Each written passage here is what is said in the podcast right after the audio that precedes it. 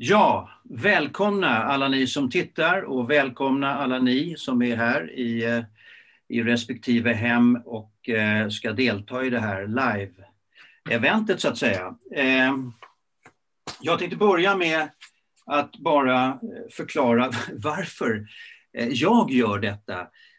Och det är egentligen bara ganska enkelt. Jag har under den här tiden som vi har levt med den här pandemin fått en massa frågor. Och jag Eh, har massa frågor själv och jag tänker, men vad är detta och så vidare. Så att jag vill egentligen bara ha en svar på en massa frågor och jag antar att eh, jag inte är ensam med det, utan att det finns andra, andra eh, av er där ute som också har en massa frågor och då tänkte jag att jag vänder mig till, till och, Vetenskapsforum covid-19 därför att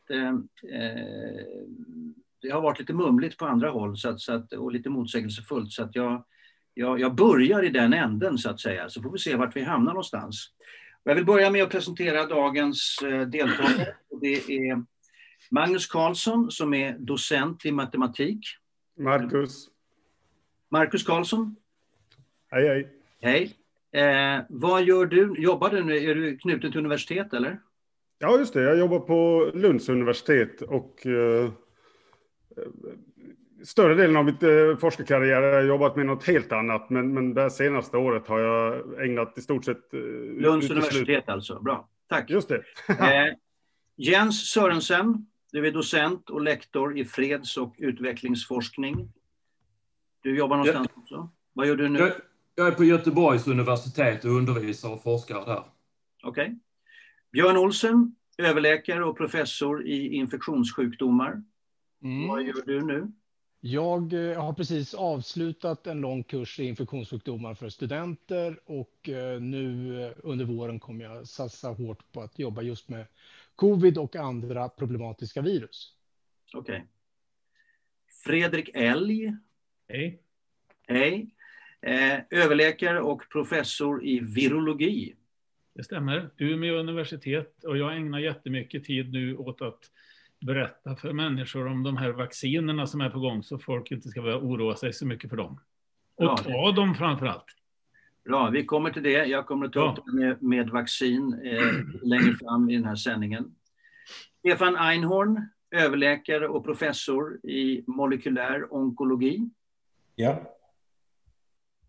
Eh, du jobbar på Karolinska har jag förstått? Jag jobbar på Karolinska, det stämmer bra. Okej, okay. och molekylär onkologi är?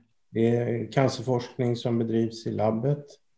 Men jag undervisar mycket nu för tiden. Jag har precis avslutat en kurs som heter Konsten att vara en god doktor för läkarstudenter. Spännande. Eh, Åsa Wheelock. Ja. Psykolog och docent i experimentell lungmedicin. Ja, jag är också på Karolinska institutet. I vanliga fall så forskar jag på lungsjukdomar som astma och KOL. Men nu har vi också satt igång en studie på eh, lång covid. Exakt, det kommer jag eh, återkomma till och skulle jag glömma bort det så påminn mig gärna om det. För jag fick ja. höra talas om att eh, det finns en del barn, unga människor som har drabbats av långvarig covid.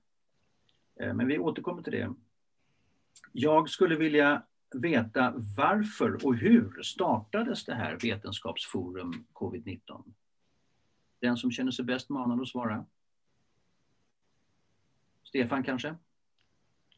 Ja, det var ju en eh, grupp eh, engagerade forskare som hade skrivit eh, vetenskap, eller debattartiklar var och en för sig och som sedermera slog sig samman och skrev en Eh, Eh, beryktad eh, debattartikel i Dagens Nyheter den 14 april där vi eh, gick till angrepp mot det sätt på vilket man bedrev pandemiarbetet. Och sen efter den artikeln så har vi organiserat oss. Vi är närmare 40 forskare idag och inom väldigt många områden så att vi har vi täcker de kompetenser som behövs, skulle jag säga, för att förstå sig på pandemi och hur man bedriver ett smittskyddsarbete. Var det en bra beskrivning? Ja, det tycker jag. jag. Jag är också lite Ja. intresserad av... Vill du komma in, Åsa? Nej, kör du. Eh, jag skulle vilja veta eh, lite grann kort från var och en av er varför just ni har engagerat er. Vi kan börja med Marcus. Ja, det började väl med eh, att jag satt och tittade på tv 17 mars eh, och, insåg att eh, jag hade precis läst en forskningsrapport från Imperial College och så stod Anders Tegnell och refererade den här forskningsrapporten och jag insåg att han inte talade sanning. Va? Och, det fann jag väldigt upprörande. Och sen, ja, innan det var jag irriterad över att, man inte gick ut med information till allmänheten, att, att man verkade ha som min, eh, min farmor, hon hade varit ute och handlat eh, där i mitten på mars. Och, och då blev jag varse att man har liksom inte, man vet att det här viruset finns, men man går inte ut till allmänheten med information om, om och då äldre då framför allt, att nu Så måste jag akta er. jag ska tolka svaret rätt eh, så, så var det att du blev upprörd när du såg Anders Tegnell, var det så? Ja, jag tycker inte det är okej att man, man, man inte kommer med korrekt information, för då hade jag en egen YouTube-kanal som jag gick ut och, och försökte informera om det här med. Så det var så jag halkade in här på ett bananskal lite och kom med de andra. Okej. Vi försöker hålla oss så kort som möjligt. Eh, eh, Jens Sörensson, Sörensen. Ja, Jag, jag eh, har varit intresserad av krishantering generellt och har ibland skrivit lite grann om hur man har monterat ner den offentliga sektorn i Sverige och hur New Public Management har förändrat det. Eh, men när det här började i 1 januari och sen i februari så började jag ana att här är det någonting som inte eh, liksom stämmer. Här reagerar man för sent. Och då skrev jag några debattartiklar i Svenska Dagbladet och Göteborgs-Posten där i mars och april. Och eh, trodde liksom inte riktigt att, att det kunde vara så dysfunktionellt som det började se ut att vara. Va? Um, så det, det var en oro som kom ganska snabbt under våren. Björn Olsen. Ja, jag, jag har ju forskat kring pandemier och pandemiska virus och pandemiska bakterier i över 25 år i alla fall. Och eh, för tio år sedan så skrev jag en bok som hette just Pandemi, en populärvetenskaplig bok. Det blev väl ingen kioskvältare då, men det gick väl betydligt bättre nu. Men i alla fulla fall så eh, har jag ju liksom brunnit för de här frågorna. Vad händer vid nästa pandemi? Hur förberedda är vi? Och jag har sett stora, stora brister i, åtminstone när det gäller förberedelser för pandemier. Sen då, det som fick mig riktigt rosenrasande egentligen, det var ju eh, Eh, i någon av de tidiga debatterna i februari, så pass tidigt innan det riktigt hade kommit till Sverige. Och det var ju när Folkhälsomyndigheten så att säga minimerade de, de kritiska röster som fanns och eh, kallade dem hobbyepidemiologer. Man myntade ordet hobbyepidemiolog och vi var bara ute efter en enda, sak och det var att skaffa egna forskningsmedel. Och det tycker jag var så jävla lågt så att helt enkelt så att eh, det drog, drog väl igång det här ska vi säga, heliga vreden då mot den strategi vi har i Sverige som har resulterat i de här, den här katastrofen. Trots att vi har varnat för det så otroligt många gånger. Eh, ja, det... Fredrik Elg. Ja, jag har hållit på med den här typen av vi- virusar länge och även studerat pandemier i historien bakåt, eh, ett projekt eh, tidigare här. Så att jag följde det här verkligen noga när det kom till Sverige i januari, februari och slogs av att det spelades ner hela tiden. Risken med det här spelades ner och skrev en artikel i Svenska Dagbladet den 2 mars som handlar just om det att vi var tvungna att ta höjd för den här grejen. Och i och med det så var jag inne i debatten och sen den helgen som följde, då fick vi ju höra av generaldirektör Karlsson att vi killgissade, vi som funderade. Och inte nog med det, förstår du. Han sa också att våra utsagor var inte bättre än när Enok Sarri spår vädret i abborrmagar. Sa han i lördagsintervju. Vet du. Och då var jag igång sen kan vi säga. Jag förstår. Ja. Det måste vara lite svettigt eh, om man då är professor i virologi och har forskat i 25 år att få, att få, eh, att få en sån macka i huvudet. Jag, jag förstår, jag förstår redan. Ja, jag tycker ju att, den, att, att naturligtvis att spå väder i abborrmagar är en, ganska, en intressant sport. Men ja. det var inte riktigt det jag gjorde kändes det som. Nej, jag förstår. Eh, Stefan Einhorn? Ja, jag förvånades liksom många andra över att det var ett sånt eh, svag eh, strategi som presenterades. Medan andra länder stängde ner och fick ner smittspridningen och dödligheten så gjorde Sverige tvärtom och presenterade också en del konstiga utsagor som att eh, man inte smittade innan man fick symptom, vilket ju var eh, så att säga, accepterat internationellt.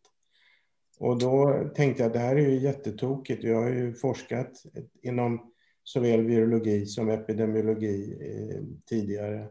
Och eh, då skrev jag en debattartikel den 20 mars och sen trodde jag faktiskt att eh, det här märkliga sättet på vilket vi angrep pandemin skulle så att säga rätt, rättas upp. Men det har det fortfarande inte gjort och därför jobbar jag och mina kollegor fortfarande. Ja. Åsa Willock? Ja, jag forskar ju som sagt på lungsjukdomar och eh, det som störde mig väldigt mycket redan från början var ju att eh, den svenska strategin byggde på att de i riskgrupp skulle självisolera sig. Eh, och eh, när man tittade på Folkhälsomyndighetens webbsida så stod det ju väldigt löst. För mina, mitt forskningsområde så stod det ju bara kronisk lungsjukdom. Om man bara räknar in astma och KOL så är det ju 20 procent av befolkningen, bara det. Ehm, och jag är också förälder till barn i låg och mellanstadiet. Och jag såg många föräldrar i min omgivning som var väldigt stressade av att själva vara i riskgrupp, men ändå tvingas skicka barnen till skolan där det ju inte fanns några åtgärder överhuvudtaget. Så jag har väl dels försökt kommunicera med Folkhälsomyndigheten om helt enkelt erbjudit min expertis för att hjälpa dem att sätta upp lite vettiga riskgrupperingar för folk med lungsjukdomar. För det är en väldigt bred grupp och väldigt många olika eh, typer av sjukdomar.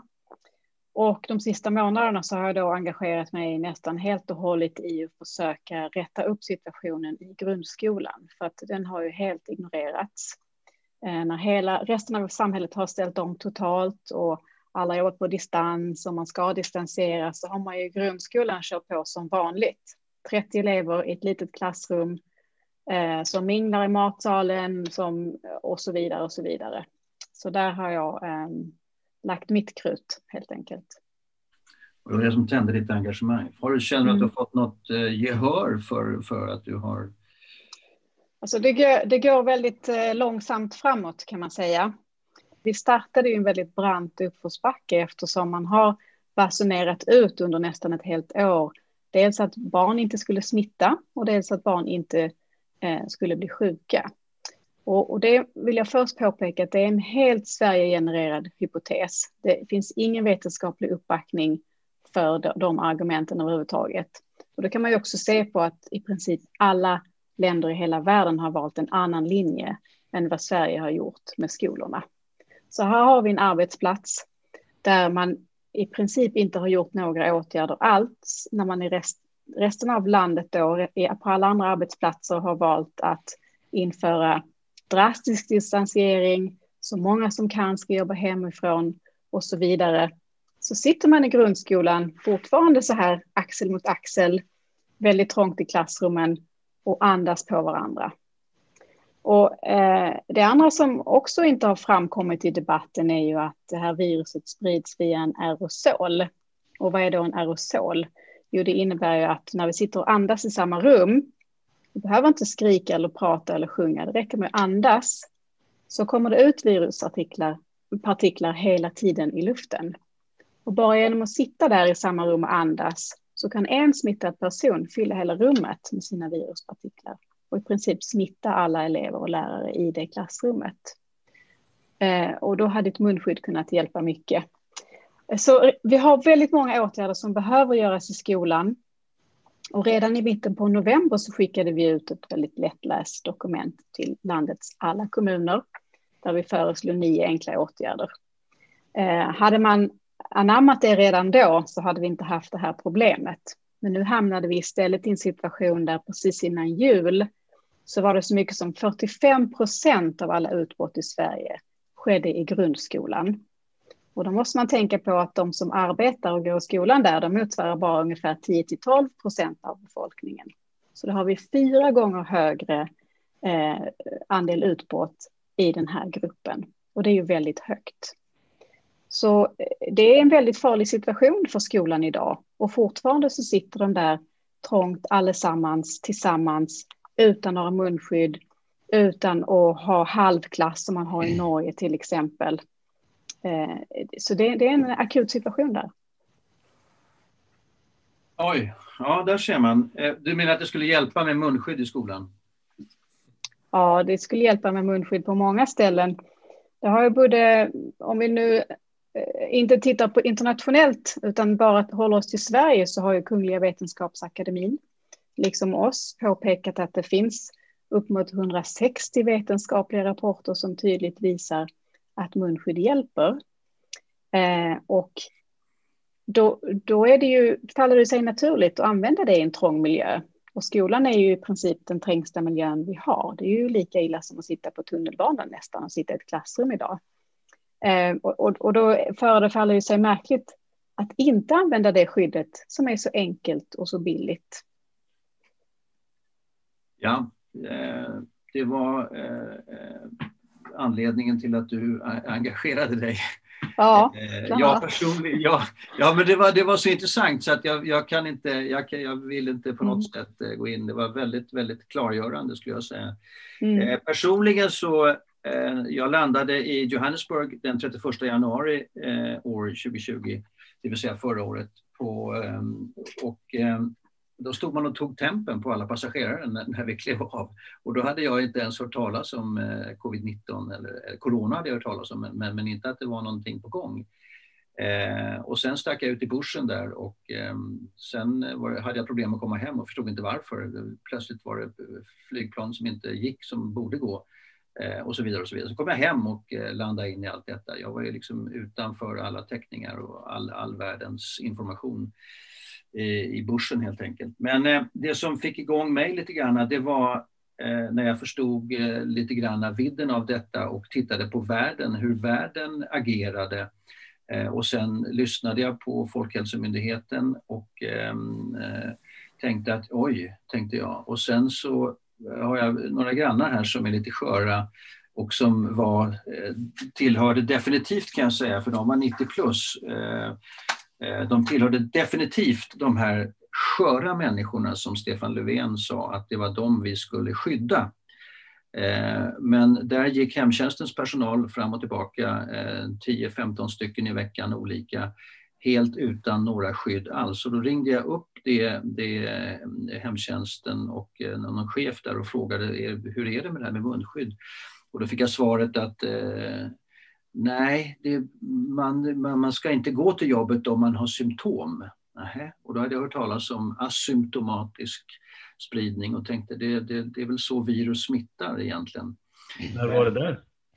Vad sa du? Det här, var den, 18, det här var den 18 mars. För att i den, precis i den vevan så ringde jag till Folkhälsomyndigheten för att få information om vad egentligen som gällde. Jag försökte hjälpa en stor eh, äldrevårdsorganisation i Sverige med råd och dåd.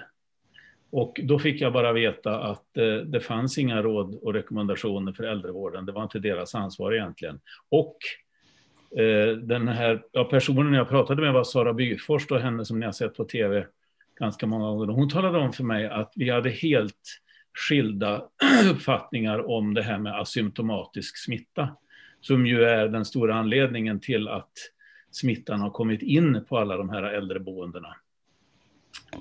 Så att eh, det hänger rätt bra ihop med det som du berättar, Stefan. Ja, därför att sen så tänkte jag, jag, jag, jag var så förtvivlad över det där, för jag, jag värnade om, om, den, om den grannen, för att det var en, en, en nu är han borta tyvärr, men, men eh, det var en, en, en väldigt rar person, så att jag kände att, eh, så jag blev förbannad helt enkelt. Och mm. tänkte som den lilla medborgare man är, Eh, Eh, så skrek jag lite grann på Facebook här och eh, tänkte att det är väl någon som hör. Jag inbillar mig inte att regerings, eh, regeringsföreträdarna lyssnar på mig eller, eller så, va? men man tänkte att det kanske är någon som lyssnar som sen i sin tur, som är sen i sin tur, som väcker någon där inne inom på något kansli bakom något skrivbord som kanske sprattlar till, var min tanke. Men för att köra förbi den långa processen så, så försökte jag få tag i och ringa upp både först och främst Folkhälsomyndigheten och kom inte fram någonstans och sen MSB. Men, eh, men jag kom inte fram någonstans heller.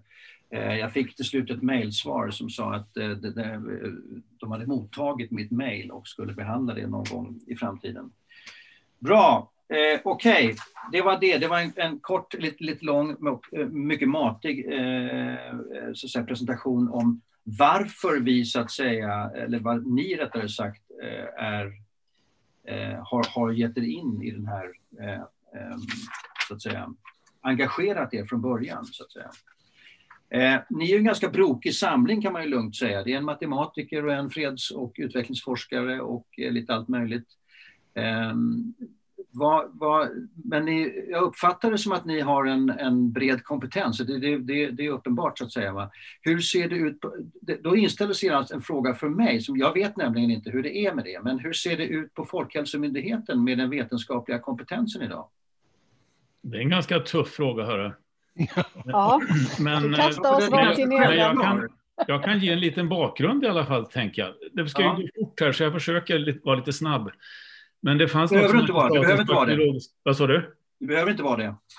Det fanns någonting som hette Statens bakteriologiska laboratorium som verkligen var en kronjuvel i forskningen i mikrobiologi i landet här fram till slutet på 90-talet när den omvandlades till Smittskyddsinstitutet som också var en hyfsad kronjuvel eh, där det fanns mycket forskning, massa professorer och docenter och så vidare i olika ämnen som har med det här att göra som hade varit så himla bra om vi hade haft kvar dem nu när den här pandemin slog till därför att den korta historien här är att eh, eh när Smittskyddsinstitutet gick upp i Folkhälsomyndigheten, eller redan innan där, så, så eh, började en avlövningsprocess där eh, väldigt lite forskning fick göras inom eh, myndighetens väggar.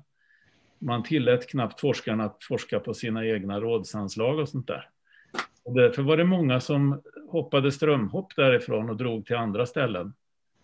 Eh, och man fick inte ha kvar sina adjungerade professurer och allt möjligt. Sen blev det Folkhälsomyndigheten och då försvann även de, de så kallade donationsprofessurerna ifrån Folkhälsomyndigheten.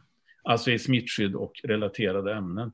Så jag skulle säga att när den här pandemin slog till eh, så var man inte alls lika rustad som man hade varit tidigare när det gällde kompetensen, det vill säga den kritiska massa som behövs för att möta en sån här massiv eh, kris som vi har råkat ut för nu. Och därför så har det förvånat mig storligen att man inte har brytt sig om att ta hjälp utifrån på ett mer, eh, eller på ett bättre sätt än vad man har gjort. Därför att det, det var ju det jag inledde med att säga här att stora delar av den svenska kompetensen på området eh, blev ju hobbyepidemiologer och killgissare ganska snart och Folkhälsomyndigheten tog inte så mycket råd och dåd utifrån. Okej, okay. så man, jag har förstått det som att Folkhälsomyndigheten eh, klippte banden med, med forskarvärlden någonstans? Nej, det ska man ju inte säga. Alltså det, det, det, vore, det vore faktiskt djupt orättvist, för det är klart att det finns kompetens på huset, ja. men jag skulle säga att eh, om, man, om man tittar publikationsmässigt och så där så, så, så de vassaste knivarna i lådan, de är inte kvar där. Okej. Okay. Jag kan ju inflika, jag, jag har lagt ner det senaste året här på att försöka modellera covid-19, en massa matematiska modeller för, för smittspridningen och har därigenom satt mig in i även Folkhälsomyndighetens modeller som de har använt för, för och det, det är ju extremt ja, det är väldigt amatörmässigt gjort. Och, och alltså, alltså, där man får utfall som väldigt beroende på inputdata som är helt okänd. Där man, jag upplever att man kanske mer har byggt modeller för att passa till en verklighet man vill se snarare än att bygga modeller för att ta höjd för vad som skulle kunna hända. Jag har också samma uppfattning, in, intryck där faktiskt. När de, de första veckorapporterna kom ut där i mars så var de väldigt bristfälliga och, och lite hastigt ihopsatta och så vidare. Och då, då tänkte man ju i sin enfald, men herregud, de hinner ju inte med stackarna, vi får ju hjälpa till. Och jag tror väldigt många forskare hörde av sig i det skedet och kände att det är vår plikt att hjälpa till. Vi kan ju det här, här kan jag faktiskt göra någonting för samhället. Eh, och erbjöd sin hjälp och blev väldigt eh, brutalt avnobbade faktiskt. Och det, kändes inte bra. Det kändes som jag skulle kunna göra den här rapporten väldigt mycket bättre. Jag har kompetensen, jag är toxikolog, jag kan göra riskbedömning och så vidare. Varför vill ni inte ha min hjälp? Det kändes eh, så absurt. Ja, det är lite absurt när man, när man samtidigt sitter i tv som statsminister och säger att vi måste alla hjälpas åt och när till och med mm. eh, jag tror vem det nu var, om det var Magdalena Andersson eller om det var Lena Hallengren, någon bad ju så att säga civilsamhället om hjälp därför att eh, av olika skäl. Det fanns inte smittskydd, det, det, det, fanns inte utrustning tillräckligt, det fanns inte munskydd, det fanns inte visir, det fanns inte handsprit, det fanns ingenting. Eh, jag är av den uppfattningen att eh, man talar om den svenska strategin och vår svenska strategi. Men för mig är det så här att för att kunna välja en strategi, låt säga att jag har x antal strategier framför mig. Den, den eller den eller den. Då ska jag säga, ska jag välja den eller den eller den eller den? För att kunna göra det valet så måste jag också ha förmågan att kunna välja de här valen. Och min uppfattning, jag börjar mer och mer luta åt att eh, Sverige hade överhuvudtaget ingen förmåga alls, utan vi fick laga efter läge. Så vad man kunde säga var håll avstånd och tvätta händerna, för det fanns ingenting annat. Det fanns inga prylar. Har jag rätt eller fel? Ja, det fanns inga prylar, men det berodde, det berodde faktiskt på det jag var inne på först. Att det inte fanns prylar i Sverige berodde på två saker. Det ena var ju att vi inte hade lagrat några sådana eftersom Nej. vi la ner allt det för 20 år sedan. Men, ja. andra, men det var mycket allvarligt var också att just det här jag inledde med att säga att vi spelade ner faran. Det sades ju att det här skulle inte komma till Sverige. Du hade inte hört talas om det va? Nej. Samtidigt som vi såg att det var halabaloo i Kina. Man svetsade in folk där för att de inte skulle smitta varandra. Men ja. under den perioden så var detta från ledningen på Folkhälsomyndigheten någonting som inte skulle drabba oss. Det skulle ju inte drabba oss det som fanns i, i, Iran och Alperna heller. Och om det skulle drabba oss så skulle vi snabbt kunna smittspåra bort det. Allt detta var ju ja, lögner ska man väl inte säga, men det, men det var i alla fall utsagor som inte stämde med verkligheten. Och det måste ju ha att göra någonting med kompetens i alla fall, för det kunde faktiskt vem som helst av oss, eller hur Björn, kunna förutspå att så, så, där, så där beskedligt var inte saken. Nej, så där beskedet var inte saken. Och en sak som är lite ska vi säga, betecknande för hur, hur hela det här sköts, det ena är ju att måste jag säga. Det ena är att Sverige är ett av de, det är det enda nordiska land egentligen som inte hade en pandemiplanering. Det fanns liksom inga pandemiplaner klara. Man la ju ner en pandemiplan, har jag för mig, 2014 eller någonting sånt. Eh, alltså planera för i stort, hur ska man göra på nationell, regional och lokal nivå? Och vad har eh, alla individer som ansvar vid en pandemi. Vad har staten för ansvar och sådana saker? Det fanns ingen pandemiplanering. Norge har reviderat sin pandemiplan fyra gånger de senaste tio åren. Island har gjort samma sak, Finland har gjort samma sak. De, finnarna byggde dessutom upp eh, beredskapslager efter sars. De lärde sig någonting efter sars, att det kan hända igen. Eh, Danmark kom ut med sin pandemiplan, tror jag, i december, december eller början av januari innan det small till. Va? Men Sverige har alltså inte haft någon pandemiplan. En annan sak som hände som jag tycker också var lite symptomatiskt för det här, att inget ont händer oss. Och det har vi varit med om många gånger under stora nationella katastrofer, att inget ont händer oss. Det handlar om eh, skogsbränder, det kan handla om tsunami, vad som helst. Eh, och då gör man för lite och för sent. Och det är samma sak med det här. Eh, man gör för lite och för sent. Vi hade en hearing i riksdagen i november. Det var fem pandemiforskare, fem forskare som var virologer och infektionsläkare som hade en, ett möte för riksdagsmännen. Vi skulle ha riksdags, så många riksdagsmän som möjligt för att prata om framtida hot, alltså om pandemier i princip. Det kom fyra personer, fyra riksdagsmän. Det kom en bunt pensionärer också och folk från lite myndigheter. Men i övrigt så kom det fyra riksdagsmän. Så lågt var intresset för det här. Så det fanns inget intresse överhuvudtaget för den här frågan. Och en och en halv månad senare så smäller det. Jag kommer ihåg att Johan Carlsson sa att det kommer, inte, det kommer inte komma till Sverige och kommer till Sverige så kommer det inte bli så farligt. Ja. Och det, det, det, är ju lite sådär, man, för mig har man ju på något sätt, eh, om man då ni har ju blivit beskyllda vad jag förstår för att vara kappvändare. Mm. Att ni vänder. Men hör inte det till eh, den vetenskapliga världen? Att man så att säga man söker nya svar och när man får nya svar så måste man ändra strategi. Man måste ändra sig därför att man får ny information. Men jag upplever att Folkhälsomyndigheten har inte ändrat sig. De håller hårdnackat fast, ungefär som att de har skruvat fast sig själv i masten. Mm. Eh, har jag rätt eller fel? Du har rätt. Mm. Och det, det, för mig kan det bara handla om en enda sak. Det kan bara handla om prestige. Och då sätter man prestige före människoliv. Och det är för mig upprörande. Ja. Jag säga så, så här är det. Att vi, vi är ju inte på något sätt märkliga i våra åsikter. Vi, vi tycker i stort sett samma sak som WHO, som CDC, eh, alltså europeiska, och, och den europeiska smittskyddsenheten vi, det, det, är ju Sverige som har så att säga en avvikande strategi och i många avseenden har, har den varit väldigt märklig som asymptomatisk smittöverföring har man inte accepterat, munskydd har man inte accepterat. Det, dröjde till i december innan man sa att om någon i familjen är sjuk så ska familjen stanna hemma och vara i karantän. Nej, man, enligt instruktionerna från Folkhälsomyndigheten skulle man, skulle man gå till skolan, man skulle gå till jobbet som om ingenting hade hänt. Håll avstånd har man hållit fast vid, en till två meter. Som Åsa var inne på, aerosoler färdas betydligt längre.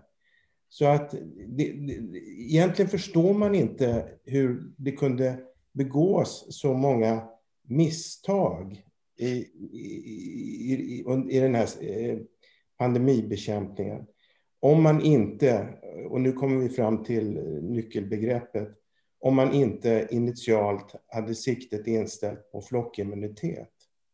Mm. För om man har siktat in sig på flockimmunitet så förstår man plötsligt att det blir inte lika viktigt att bekämpa smittan på, på full, fullaste allvar. Så det, det tycker jag vi ska uppehålla oss vid ett ögonblick, det här med flockimmunitet. Eller vad säger du, Björn? Ja, jag tycker det också. Det är centralt. Det har drivit hela policyn från början till slut egentligen. Och eh, även om man inte har sagt det, man, man förnekar ju nu att man överhuvudtaget har haft den tanken, men det finns ju tillräckligt mycket eh, data som tyder på att man absolut har haft den tanken. Och jag vet att den som så att säga initierade begreppet, det var Johan Giesecke då, som eh, han kunde ju liksom ha haft rätt i det där om det hade varit influensa. Då hade det kunnat funka med flockimmuniteten, för det går så fort. Men det här är ett annat virus. Det tar betydligt längre tid. Det smittar på ett annat sätt. Eh, och, där, där, och plötsligt håller inte flockimmunitetstanken. Och det kunde vi visa väldigt, väldigt tidigt. När Folkhälsomyndigheten går ut och säger att nu är vi uppe i 25-30 procents flockimmunitet. Då kunde vi visa att vi ligger kanske på 4-5 procent i kluster bara mm. i vissa områden och inte spritt i befolkningen generellt på något sätt. Och då faller ju hela den här pladask, hela den där eh, uppblåsta tårtan pladask. Men ändå så har man haft kvar den här tanken på flockimmunitet, man har inte övergett den. Och det är först nu, tror jag, som när vi börjar prata om, kunna eventuellt prata om flockimmunitet, i och med att vi har så generellt en sån omfattande smittspridning i samhället, där vi kan börja liksom se att ja, nu börjar vi kanske nå upp till 20, 25, 30 procent, möjligtvis. Men vi är ändå långt ifrån flockimmuniteten. Och priset för att driva den här taktiken med flockimmunitet, det är otroligt många döda, otroligt många sjuka och otroligt många som får långtidscovid på sikt. För man har tillåtit det här att sprida sig. Och det finns, och den här, då återigen det som Lena Einhorn pratade om och skrev om väldigt mycket, det var ju den kognitiva dissonansen. Att ju mer vi kommer upp med data, andra kommer upp med data, hela omvärlden kommer upp med data, så binder Folkhälsomyndigheten fast sig vid masten och säger att vi, de fortfarande har rätt. Och ju mer de blir överbevisade om, de har fel, om att de har fel, så kommer de ändå hålla fast vid det ännu hårdare. att de har rätt. Och det är livsfarligt i sådana här situationer. Och detta beror ju på att det inte har funnits en second opinion. Det vill Yes, säga man har precis. skit- Men jag måste säga en sak till om flockimmuniteten. Björn, undrar, eller om ni andra håller med mig. Alltså, även om det nu hade varit en influensaspridning med den dödlighet som det, hade, som det var frågan om, så hade vi väl ändå bort att skydda oss. Ja, det spelar väl absolut. ingen roll. Nej. Jag menar, om vi hade låtit detta rulla på som spanska sjukan gjorde 1918, Mm. då hade vi ju sett, det var det jag sa i min famösa artikel 2 mars, att då Mm. hade vi ju sett den typen av dödssiffror. Mm. Eh, och jag menar, vi är ju på väg åt det hållet nu eftersom vi kommer att närma oss 15 drygt tusen här snart om några Mm. månader. ja. Jag menar, Fredrik och Björn, jag måste fråga. Det hade varit oansvarigt även... Åsa vill komma in med en fråga här. Jag Åsa? ville fråga Fredrik och Björn, är det inte så att det har faktiskt aldrig funnits något exempel där man har uppnått flockimmunitet på så kallat naturligt sätt, utan det har Mm. alltid krävts ett vaccin för att Nej, uppnå nej, det flockimmunitet. är inte sant. Alltså, för att- Det är inte sant, pandemierna, Eh, ryska snuvan 1889, Mm. där vet vi att eh, 60 procent av befolkningen blev sjuk och det var ju säkert de som inte hade symptom också, så där blev det ju flockimmunitet. Spanska Okej. sjukan blev ju också flockimmunitet, Mm. alldeles säkert. Och det blev det ju, även om vi vaccinerade vid eh, asiaten 57 och Hongkong 69 lite grann, så var ju anledningen till att det hela försvann. eh, Ja, Får jag fråga, eh, för att- eh, Ja, en sista bara om, om jag är moderator här. Ja, Nej, men det här nu, nu är vi igång liksom. På, på, på, det, det, nu bubblar det bra tycker jag. Eh, det här med flockimmuniteten förnekas ju ständigt och jämt av eh, Anders Tegnell, och Johan Carlsson och berörda. Finns det något belägg för det ni säger nu? ja, Jag, jag skulle... Vad är belägget? Svara Marcus då. Ja, jag, jag kan ju koppla på här, för jag pratade med P. För ett tag sedan. Han, det är alltså han som byggde upp smittskyddsenheten som sen blev Folkhälsomyndigheten. Det är han som har skrivit mycket av eh, svensk... eh, nej, står- Nej, nej, var inte riktigt Ja. rätt. Han var chef för, för Socialstyrelsens smittskyddsenhet. Han har Okej. inte haft något jobb på, på det som är Folkhälsomyndigheten idag. Det, och det Men vill, han Nej, skrev en eh, föregångare. ja, Mm. det, alltså, och han föregångare. skrev den inte heller, utan han var delaktig får, i jag, får, arbetet. eh, eh, jag får bryta in här. Eh, Jag vill Men- ha svar på frågan, finns det något belägg för det ni säger om att eh, man faktiskt har varit inne på att söka eh, flockimmunitet från Folkhälsomyndighetens sida? Kort Ja. svar. Eh, ja, då kan man ju se mejlet mellan Pete Tyll och eh, Anders Tegnell den 15 eh, mars. Där Pete Tyll, efter att ha liksom varit på Tegnell ganska länge, i flera mejl och sagt att ska ni inte ändra strategi, ska ni inte ändra strategi. Och, Tegnell böjer sig inte, så skriver Pete Tyll till sist, okej det finns två alternativ, eller han skriver tre, men det, två stycken är två suppression-alternativ och så ett om mitigation med flockimmunitet som mål. Och det här är liksom, då svarar Anders Tegnell att ja, vi har funderat på det här, men vi har valt nummer tre som alternativ. Och nummer tre som alternativ var? Eh, mitigation med flockimmunitet som mål.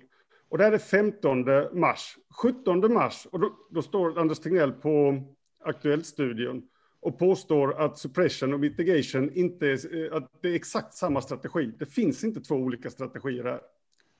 Så din fråga innan var om man valde, om man, man visste inte vilken strategi man skulle välja. Jag skulle vilja gå ett steg längre och säga att man valde en strategi och sa till befolkningen att man hade valt något annat. Är det så?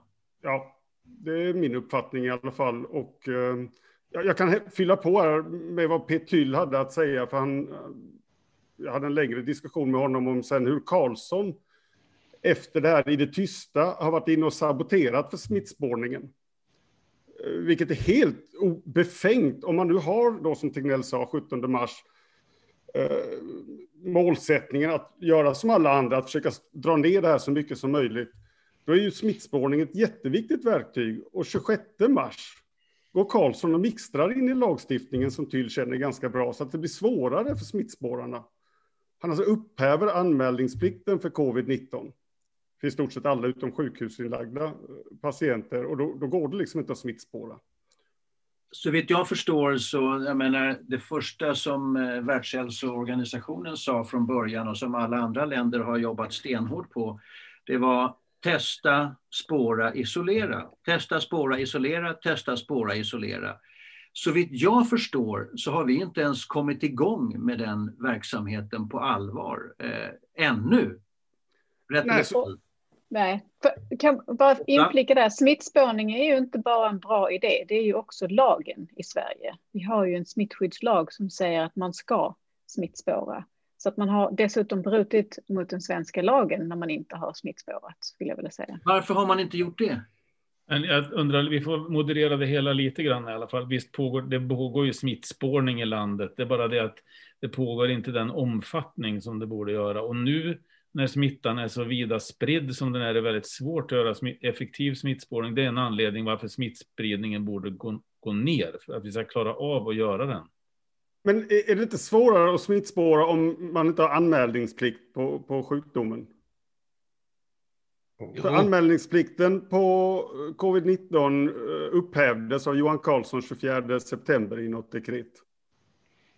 Hörrni, jag, måste, jag måste få bryta in här lite grann, därför att nu, grottar vi ner oss i, i två grejer här. Eh, jag, eh, det här med testkapacitet också någonting. Ska man testa eller inte testa? Jag har till exempel en eh, god vän i Söderköping eh, vars fru jobbar som lärare och, och eh, hon ville testa sig men fick inte testa sig därför att då måste hon ha då måste hon ha så att säga tillstånd från sin chef och sen för att få tillstånd från sin chef så måste hennes chef i sin tur begära tillstånd från sin chef för att ge hennes chef tillstånd att så att säga låta henne testa sig. Eh, nu visar det sig att de, de blev ju ordentligt eh, eh, sjuka. Eh, faktiskt. Så det, det, det var, inte ens testningen verkar ha kommit igång ordentligt. Men jag skulle vilja växla över lite grann, eh, för vi, vi vi kan komma tillbaka till Folkhälsomyndighetens svenska strategin och eh, vad det nu är för någonting eh, och vad vi håller på med. Jag tror att det finns, jag har väldigt mycket frågor om själva sjukdomen och jag vet att det är väldigt många människor som också har det. Eh, och till exempel, men jag hör ju ofta till exempel, men vadå, det, det är en influensa, det dör ju lika många människor i en vanlig influensa som det dör i covid-19. Vad är skillnaden? Ja. Ja, men det, det, det, är en, det, det är en ganska vanligt förekommande mm. uppfattning. Mm. Mm. Och det är en vanligt förekommande missuppfattning egentligen när det gäller influensa och covid-19. Det är uppenbart att det dör många fler i covid-19 än vad det gör i vanlig influensa. För det första så slår ju inte nu, nu är det ju så att det är de absolut äldsta, eller ska vi säga 70 och över, som, där det börjar hända någonting när det gäller covid-19. Det är där vi får de stora talens lagar när det gäller dödlighet. Visst är det lika, men, men eh, samtidigt så det, det är ju alltså influensa, ett, ett riktigt hårt influensaår med säsongsinfluensa så kan det dö kanske upp mot 3000 individer, någonting sånt. Och det är de absolut sköraste. Eh, men det här är ju någonting annat. Det här, inte nog med att så att det, det, det, det, där att jämföra influensa med covid-19, man får skruva upp det då kanske. Vi ska ha klart för oss också att den här andra vågen nu, den är definitivt inte över än på länge, så vi kommer nog kanske en, hamna någonstans kring, ja, vad vet jag, 15 000 döda innan det börjar lugna ner sig. Jag har ingen aning, men det, det kan bli någonting i, dem, i det häradet. Och då är man ju långt, långt över influensa det är klart, hade det varit en ny influensa, en helt ny influensa, en pandemisk influensa, en som verkligen kommer utifrån ny influensa och som man också kan frukta med, med, med goda skäl, då hade vi fått en annan dödlighet. Då hade vi få, säkert fått en väldigt, väldigt mycket högre dödlighet och vi hade fått en dödlighet som kanske hade spritt sig längre ner i åldrarna. Och där är det viktigt att komma ihåg exempelvis sådana sjukdomar som spanska sjukan, där vi hade den stora dödligheten i åldersgruppen 20 till 40 år. Eh, det var där, det, där stod, togs den största tullen så att säga. Och hade det här viruset drabbat så att säga medelålders människor, då tror jag åtgärderna hade varit helt annorlunda. Mm. Definitivt. Utan vi har, vad vi har gjort då valt att göra, det är att skruva om vår moralisk-etiska kompass ganska ordentligt och ställa den i ett helt annat läge där norr inte pekar mot norr, utan det pekar åt vilket håll som helst, men inte mot norr. Och, eh, så att det, det, det här är människor som lever liksom i utkanten av våra vanliga liv. De äldre, de sjuka, folk i utanförskapsområden exempelvis. Mm. Men man får inflika där då, ehm, den här långtidscovid som ju mm. har framkommit att det faktiskt är ganska vanligt. Vi har inga exakta siffror nu. Men eh, det är ju, det är ju oftast både fysiskt och psykiskt väldigt starka personer, unga personer, 30-40-årsåldern räknar jag som ungt. Eh, men, eh, och de har inga underliggande risker. De hade aldrig klassats som en riskgrupp i någon av, av våra, varken Folkhälsomyndighetens eller världens eh, uppskattningar av vad som utgör en riskgrupp. Mm. De drabbas väldigt hårt. Från att ha varit eh, i princip elitidrottare och sprungit maratonlopp så orkar de inte gå och hämta posten i brevlådan längre. Och det är flera, flera, flera månader efter de har insjuknat.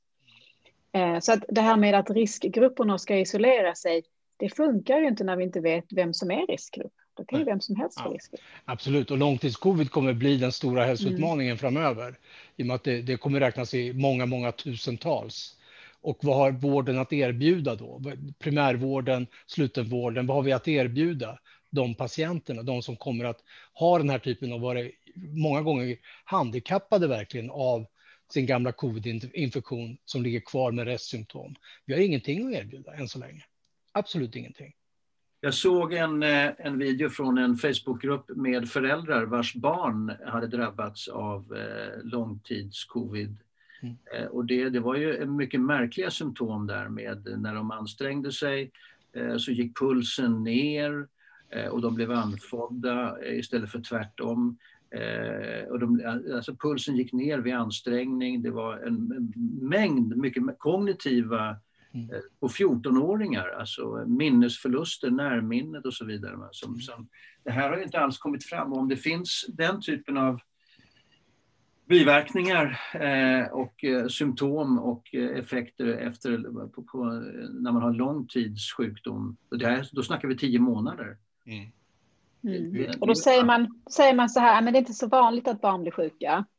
Och, och då gjorde jag faktiskt en liten beräkning på det.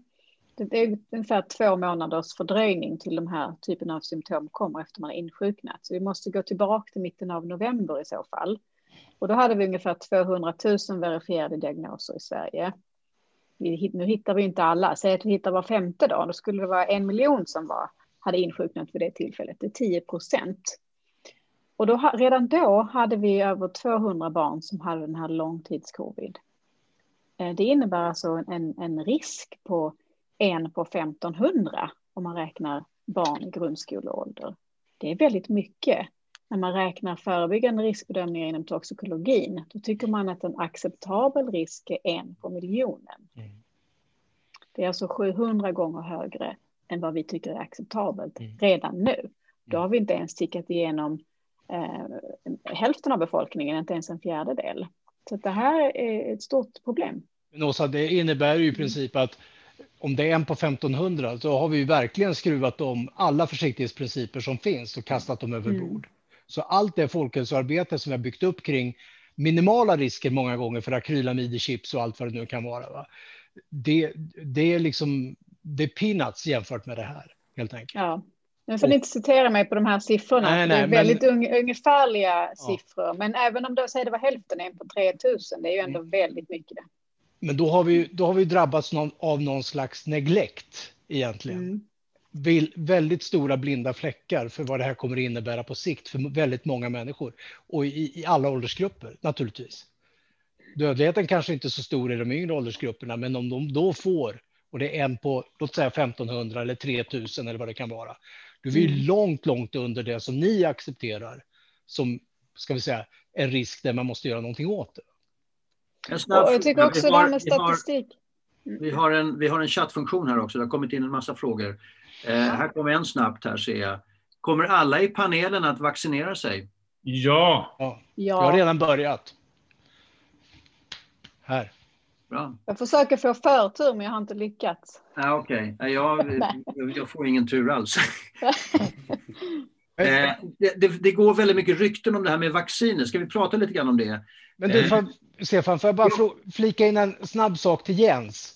Ja. Jag är lite intresserad av just det här med det liksom i, i samhället, hur man okay. hur, hur Jens uppfattar det här, vad som händer i samhället. För att det måste ju som, vara som att vi i en stor del av befolkningen har skruvat om hjärnan totalt. Ja, det kan jag, det kan jag hålla med om. Jag, jag, jag har en god vän som eh, är hårdrockmusiker och eh, eh, en, en duktig sjungare som jag kallar det. Eh, men han bor sedan ett antal år tillbaka i Barcelona och vi har jobbat ihop tidigare. Han är svensk och eh, han lirar i ett, i ett hårdrockband och eh, är väldigt framgångsrik. Eh, sjunger och han kom hem till Sverige i våras här, kort och han, han smsade mig snabbt och, och, och sa, vad fan är det som har hänt med Sverige? Folk verkar ha blivit hjärntvättade. Jaha, okej. Okay. Så det, det, är någonting som sker i Sverige också, som är, men det, det är ett, ett, annat perspektiv och det kanske Jens är mer. Du, du Jens har ju talat om någonting som, het, som du kallar för sovjetisering. Ja, ja det alltså, sovjetisering det är ju det är en metafor naturligtvis, en politisk metafor för att lyfta fram någonting. Och jag, jag menar liksom att det, det är på olika nivåer. Dels handlar det om vetenskapsförnekandet. Det är liksom en viktig, viktig sak här. Och sen ja. är det transparensen hos myndigheterna. Det var så att på, innan Sovjetunionen föll samman så fanns det öststatsstudier och folk som studerade Sovjetunionen men hade svårt att få tillgång till statistik som de kunde lita på. Allting var antingen hemligt eller så var det felaktigt och man kunde inte lita på det. Så man fick utveckla egna metoder, nya metoder för att försöka förstå eh, vad som skedde i, i, i, samhället. Och här har vi också haft liksom problem med att i, i, början på våren där så fanns det inget underlag för eh, de olika eh, påståendena från Folkhälsomyndigheten, olika prognoser. Det var svårt att få reda vad, vad är det för underlag för det här. Det, det dök inte upp eh, alla påståenden om munskydd till exempel som de avfärdade, de la inte ut några studier förrän eh, i augusti och sen de studierna som de la ut visar dessutom majoriteten av dem att munskydden faktiskt har en, en, en viktig effekt. Va? Så de har inte ens lyckats tolka det egna materialet. Va? Så här är det någonting som är problem med vetenskapsförnekandet ehm, och sen är det transparensen i myndigheter. Och, och, ehm, eh, och sen så, precis som Björn säger så tror jag också att det, är en form av, eh, jag uppfattar det nästan som en en slags masspsykos. Va? Att vi har alltid försökt vara försiktiga i Sverige med cykelhjälm på barn och så vidare. Va? Men nu är det ingen, ingen försiktighetsprincip här. Ehm, ni nämnde, ni nämnde att eh, vi vet fortfarande inte massa olika saker om långtidscovid och sånt. I våras visste vi ännu mindre. Det kom rapporter från Österrike där ehm, dykare alltså dykare, elitdykare i militären inte längre fick dyka för att de hade haft covid. Och det var ju unga, friska i 20-årsåldern. Det kom den typen av rapporter och då visste man så lite. Och när man vet väldigt lite så bör man alltid ta försiktighetsprincipen. Vi har sådana här uttalanden som att vi ska ta det säkra före det osäkra eller vi better safe than sorry. Va? Om jag nu skulle, om jag bara får ge ett tankeexperiment, om jag skulle föreslå att vi har ett antal nya olika vaccin som vi inte har testat mer än på möss kanske. Om jag då får föreslå att vi testar alla de här vaccinen på svenska skolbarn. Vi har ett kinesiskt vaccin, det kan vi testa på alla skolbarn i Norrland. Och sen har vi ett eh, indonesiskt och vi har olika vaccin. Då skulle alla säga nej, det kan ni inte göra. Det där bryter mot etik och vi kan inte experimentera på, på barn i Sverige på det sättet. Samtidigt så har vi inga problem att skicka barn till skolan med ett virus som vi inte känner till de långsiktiga effekterna av. Så då, då bryter man mot försiktighetsprincipen. Och det är märkligt. Det måste vara någon form av kognitiv dissonans där man så att säga har vaggats in i en säkerhet. Och jag tror att i det här så har faktiskt både myndigheter och massmedia spelat en roll. Vi har traditionellt en mycket hög tillit till institutioner i Sverige. Och det är väldigt bra för det gör att det har en massa positiva effekter. Men om institutionernas legitimitet missbrukas så är vi då väldigt känsliga. Alltså om man har en presskonferens varje dag, vecka efter vecka efter vecka efter vecka, nationell presskonferens, då signalerar man att oj, presskonferens, det är skarpt läge, det är något viktigt. Va? Men sen så innehållet i den presskonferensen, det är lite luddigt och lite lugnande och sådär. Va? Då vaggas man in i det här. Och sen på, på sommaren någon gång så har man det kanske bara två gånger i veckan. Men det är en form av långsam, man skulle nästan kunna säga en slags gradvis hjärntvätt va, av, av de som lyssnar på det här. Så, så här är någonting som, som um, har gått väldigt fel. Um, Ja, precis som Björn. Jag, eh, Jag skulle vilja gå över och fråga, för det, det är rätt många frågor om vaccin. kunde man inte bara säga en sak till om det här som jag, jag tycker faktiskt att en sak är viktig i sammanhanget. Ja, och det är ju det här, det är ju till, tilliten till myndigheterna som du är inne på. Alltså det, där, det är en myndighet som har en ganska begränsad eh, ja, ett begränsat begränsad idépaket och låser sig, surrar sig vid, vid masten som vi har sagt och är totalt uppbackad av politiken, både regeringen och oppositionen. Och vi svenskar är ju väldigt benägna att tro på myndigheterna och är det så att man kritiserar den där hållningen då, då, då blir det ju väldigt mycket protester och det är det som har hänt. Det, det uppfattar jag som hjärntvätten här. Att man, att man kritiserar inte myndigheten för då får man på moppo i det här landet. Alltså. För det, det finns bara en väg och det är den väg som har presenterats av, av eh, garnityret på Folkhälsomyndigheten. Och försöker man att kritisera den så, ja, då händer det grejer. Jag, jag, Ja. Eh, Marcus hade en fråga nej, jag ville bara koppla på, apropå transparens, så glömde jag säga innan, det här mejlet från Anders Tegnell till Petyl, där han säger att man har valt flockimmunitet som strategi. Eh, de försökte få ut det via offentlighetsprincipen och då hade det raderats. Så enda anledningen att det där mejlet kom ut var att Petyl eh, sen släppte det. Så man kan ju fråga sig varför en myndighet raderar sina mejl. För att eh, varför vill man inte att allmänheten ska veta vad, vad som försiggår inne på myndigheten? Det är väldigt skumt. Så får man inte göra. Nej. Det är, också, det är också en del i det här eh, sovjetiseringen, att, så att säga, man, man, man börjar sortera bort eh, information som, som inte eh, passar va, och tillrättalägga. Och det, det, är, det får man inte göra, det bryter mot lagen. Men precis som du säger Fredrik, så det här att man inte att man avvisas och avfärdar kritiker, det är också ett problem. För om vi har ett skarpt läge eller en krissituation, vi kan göra jämförelser med en general i ett krig. Va? Det är helt nödvändigt att få in information från frontlinjen. Vad är det som händer där borta? En general som säger att jag lyssnar inte på några ordonnanser, jag lyssnar inte på några rapporter från, från jag lyssnar bara på en adjutant som är här i tältet i staben. Då begår man misstag. Och det finns sådana historiska misstag från första världskriget där det är hundratusentals soldater som dör i skyttegravarna på någon, någon dag. Va? Ehm, så det, det är väldigt viktigt att man har öppna kanaler och får in information. Och det är viktigt att man, när man ska fatta beslut under osäkerhet, tar det här som kallas försiktighetsprincipen. Och det är faktiskt in, inskrivet i EUs lagstiftning. Alltså det är EU-lagstiftning på det. Visserligen främst när det gäller miljö, men även när det gäller konsum konsumtionsvaror, mat och sånt för um, människor. Så man skulle kunna förlänga det här. Va? Finns det inte när det gäller arbetsmiljö då? Ja, det, men det gäller även till exempel konsumtion, mat. Va? Om jag nu...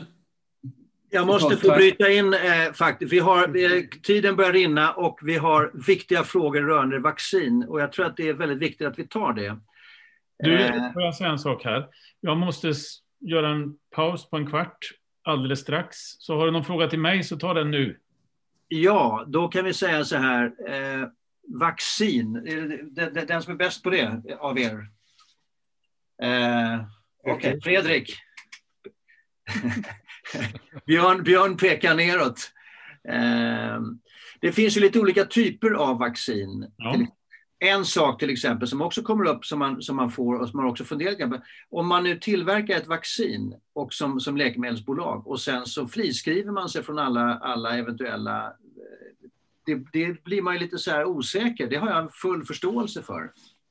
Att man friskriver sig från eventuella biverkningar, det, det är inte vårt grej. Ja, det där har ju eh, regeringar och myndigheter i Europa svårt att acceptera. Jag tror inte att eh, det, det, är den stora grejen här. Men det är klart att det är ju, det är ju risky business såklart. Jag menar, vacciner är ju som läkemedel. Eh, sånt som man kan få biverkningar av. Men de är ju så väl testade de här vaccinerna nu så att... Är de det? Det har ju gått så snabbt säger de.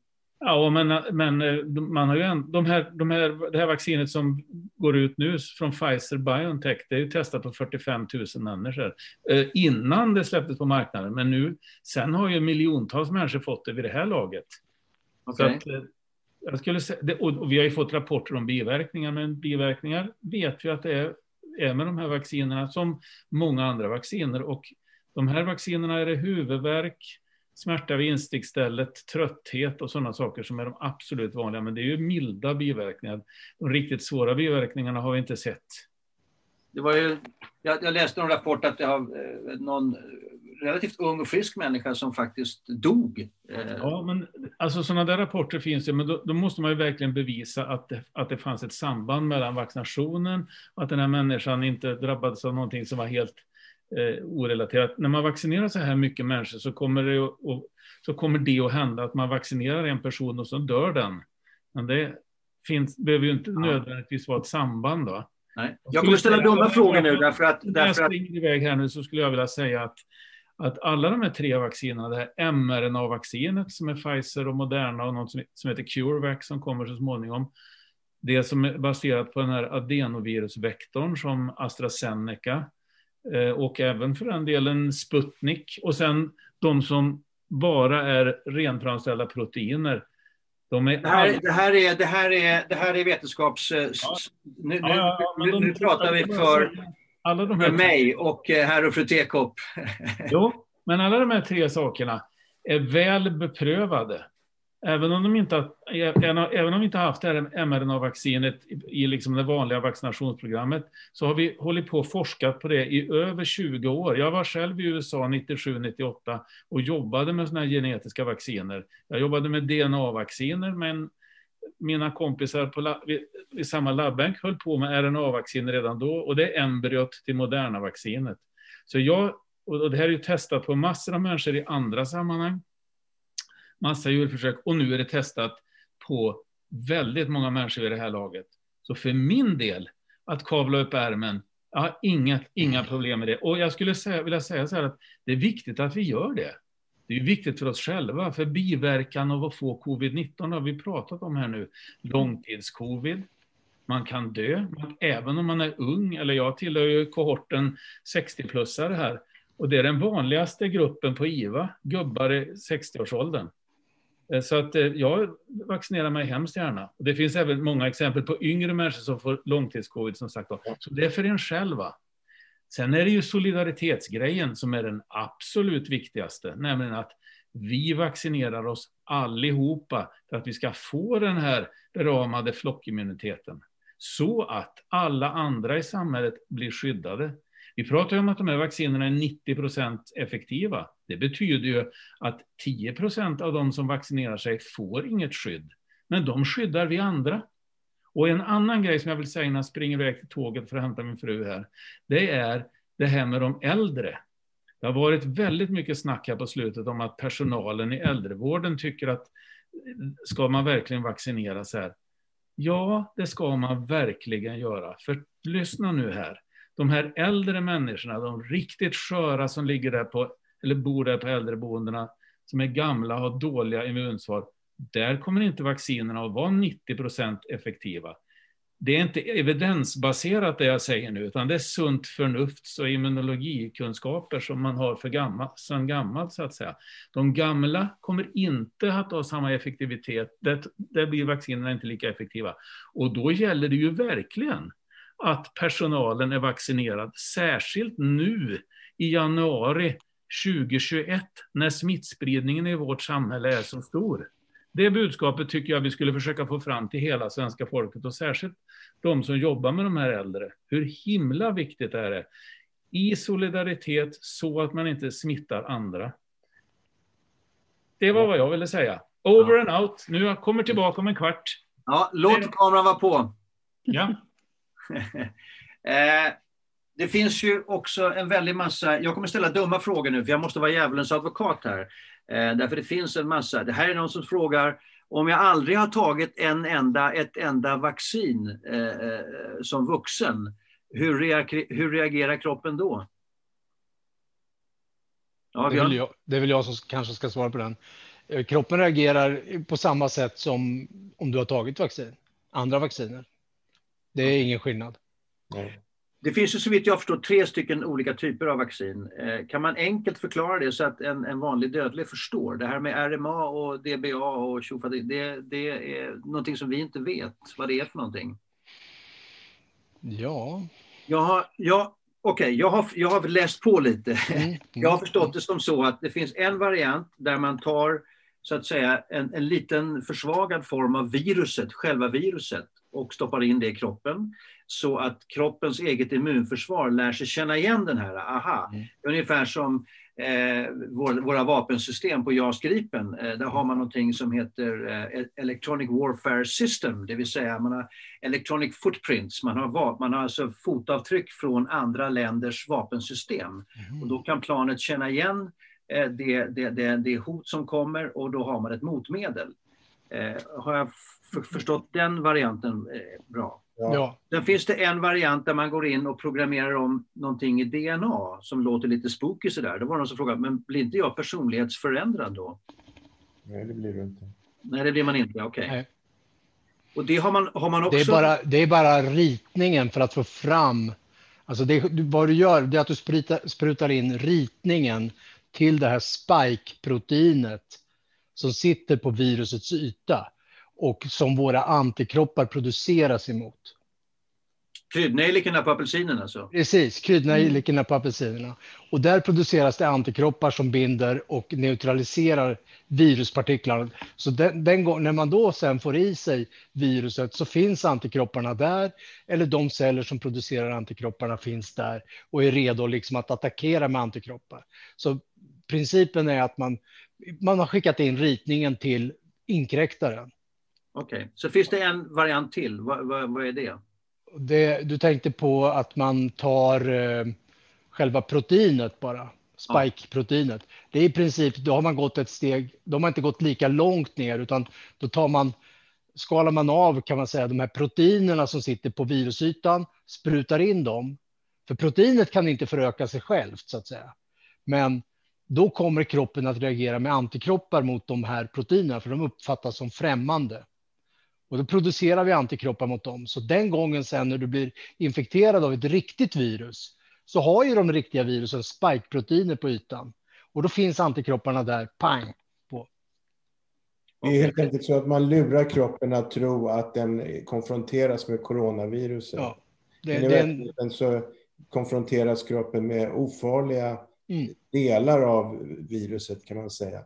Då börjar de så kallade B-cellerna att producera antikroppar, för de tror att de måste skydda kroppen. Mm. Och då finns det en, en, ett antal B-celler och det finns antikroppar. Så när, när man väl blir infekterad, ja då är ju kroppen beredd och då slår den till på direkten. Mm. Då blir det ingen infektion i bästa fall.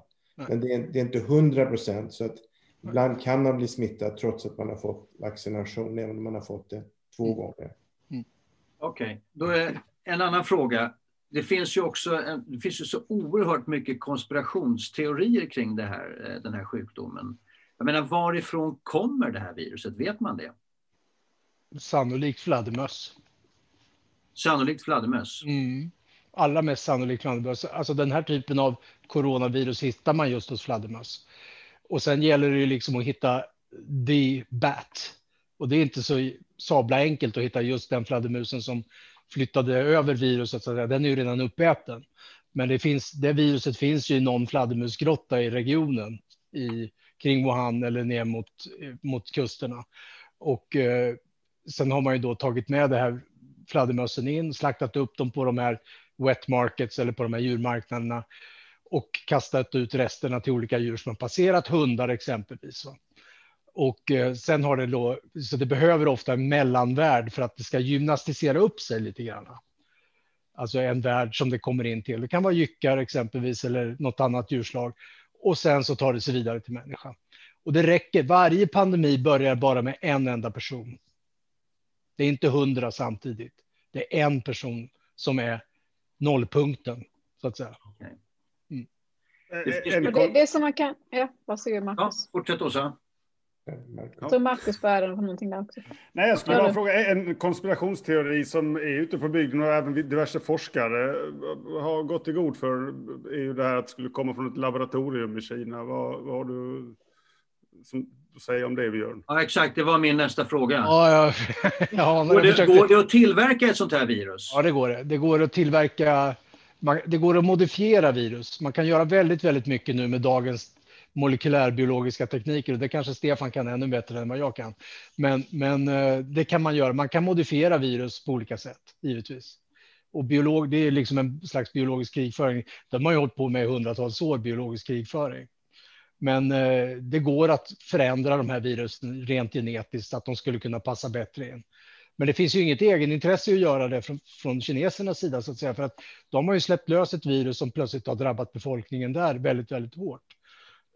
och de hade ju inte vaccin före oss så att säga. Så att det, eh, det, om man ska tillverka ett sådant virus så ska man också, också se till att ha vaccin till den egna befolkningen direkt. Ja, det, var någon som för, det var någon som föreslog att, att eh, ja, men det där det har man hållit på med och tillverkat det här, vaccin, det här, det här viruset och sen är det någon som har liksom det kanske har funnits en fladdermus där som har blivit kasserad på, laboratoriet och så har någon städare gått, oj jävlar, här är fladdermöss, de här kan jag mm. sälja på marknaden. Och så tar man med sig dem och så skickar man dem på marknaden och sen är det kört. Ja, det kan, vara, det, det kan ju vara den svagaste länken naturligtvis, men de, de är ju ganska rigorösa de där labben. Men det går att modifiera virus och det gör man ju ofta genom att passera dem genom olika djurarter. Man tar viruset från den djurart där det finns naturligt, flyttar över till en djurart som är nästan anpassad och får ett, en infektion där, då får man ju ut en annan variant av viruset så att säga. Det muterar ju då. Man får ju muta, alltså, mutanter då egentligen som, som sen kommer ut. Va? Men det finns inga tecken på Alltså det är klart att de där konspirationsteorierna kommer dyka upp överallt, men vi har ju redan.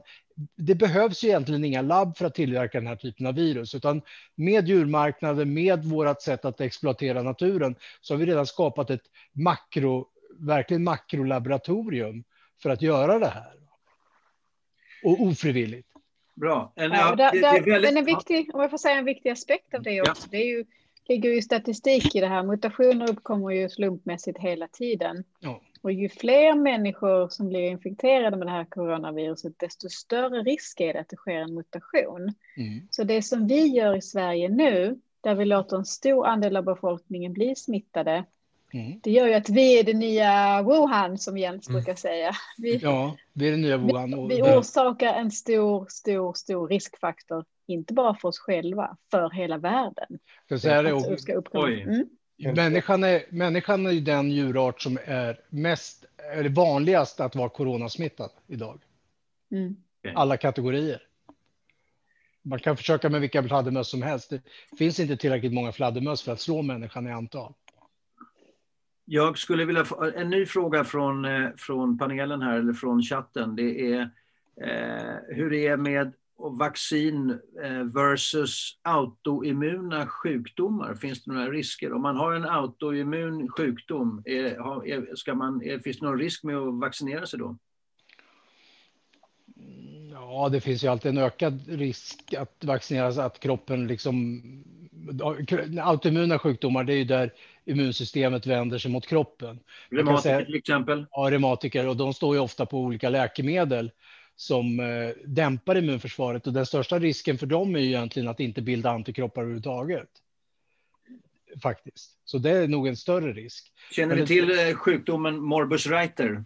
Ja, ja, det gör vi. Om man, mm. om man har morbus Reiter och eh, äter typ Arcoxia som är en inflammationsdämpande mm. medicin. Är det, mm. eh, ska man ge fan i att vaccinera sig då? Nej, det, det, tycker jag nog inte man ska göra. För att eh, för det första så de som är immunnedtryckta tenderar ju att få covid-infektioner under längre tid med långtids, alltså infektionen balanseras inte av immunförsvaret så att säga. Så att den kan ju löpa på i och med att man har immunnedtryckande läkemedel.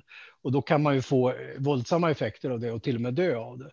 Så att jag tycker att man ska definitivt vaccinera sig. Frågan är bara huruvida man svarar på vaccinationen. Men det får man ju testa sen efteråt.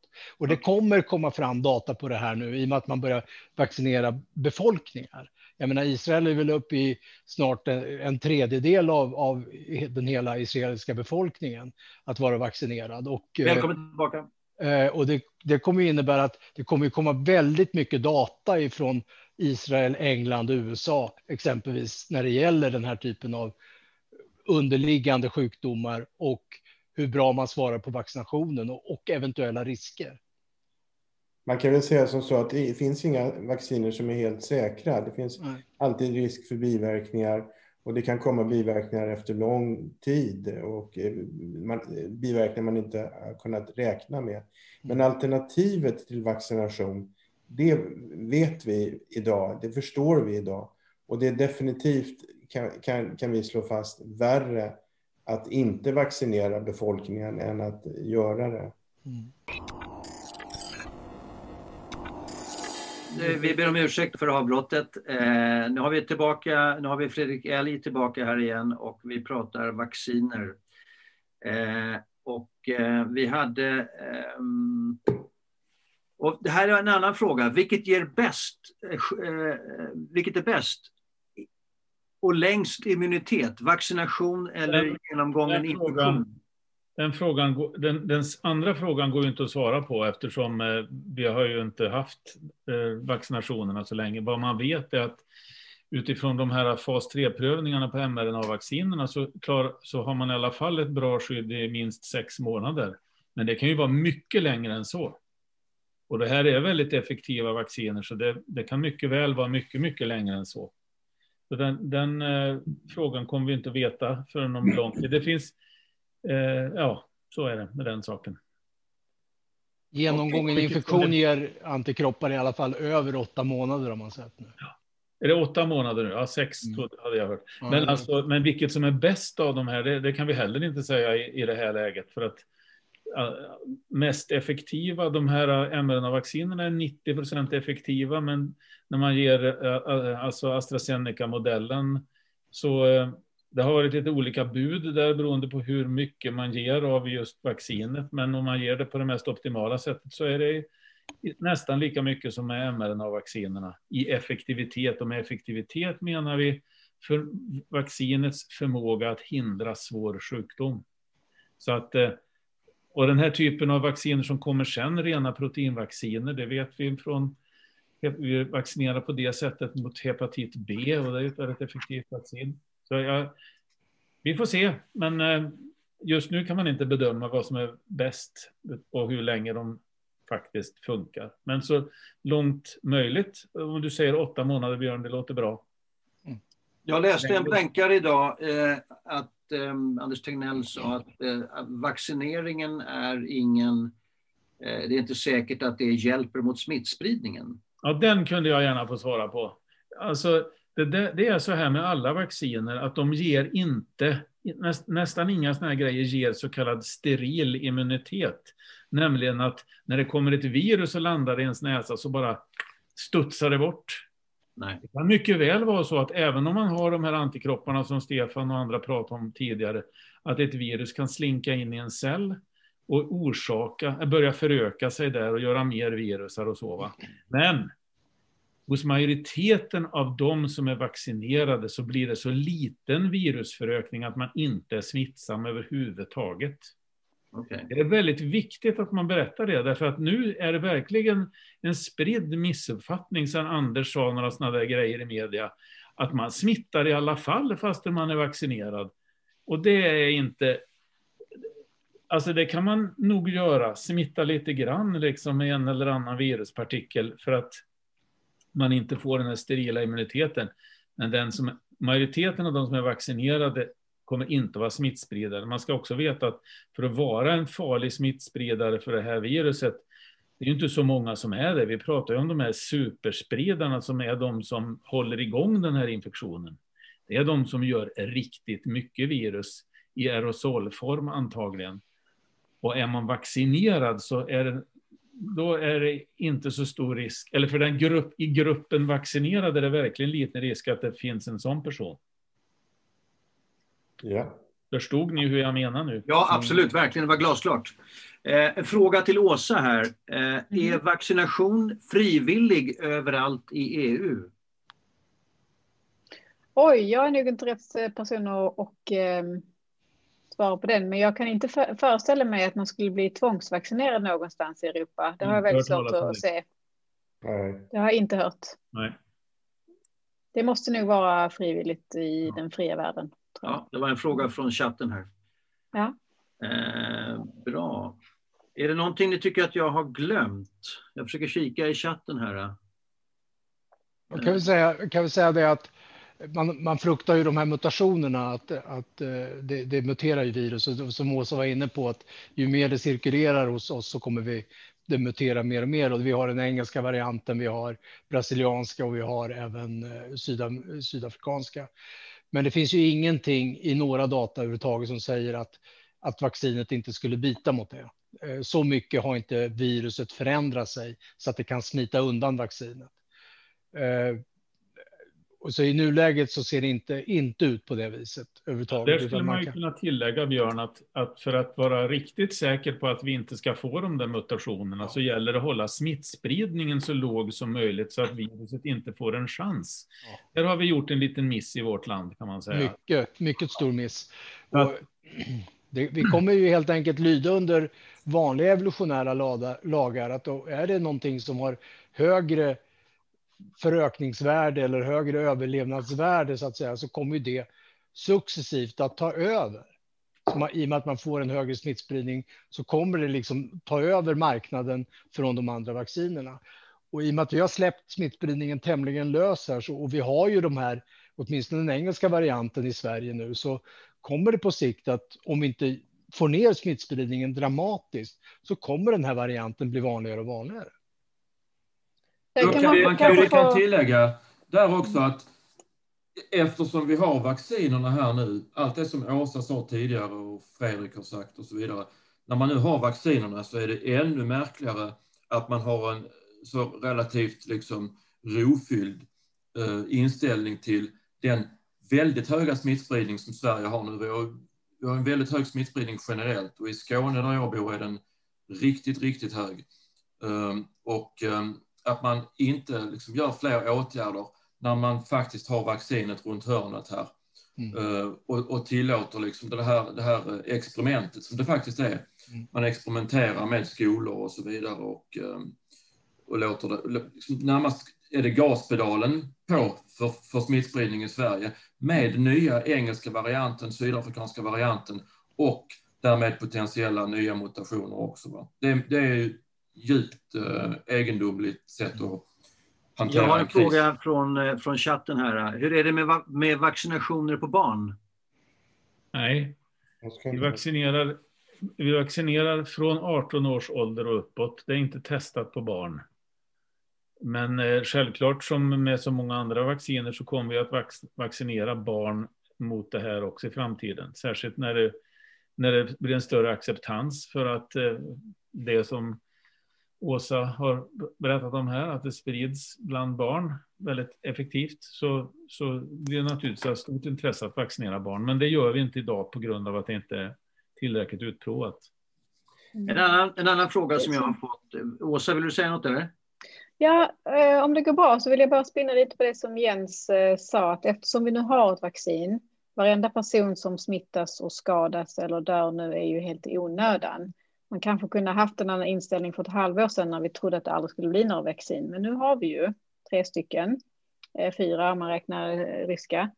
Och, eh, och, och då är det ju upp till var och en, nu låter jag nästan som, som statsministern, men det menar jag inte att göra. Men det är faktiskt så att, att ha munskydd på sig är ju en solidaritetshandling. Mm. Man skyddar inte främst sig själv, man skyddar främst andra. Så varje gång man går där på gatan med sitt munskydd och tittar på alla som inte har munskydd så säger de ju till mig, jag skiter i dig. Mm. Jag bryr mig inte om du blir smittad. Mm. Eh, och det vet inte de flesta. De tror liksom att ja, men jag behöver inte ha munskydd för jag är inte rädd. Nej, men så är det inte.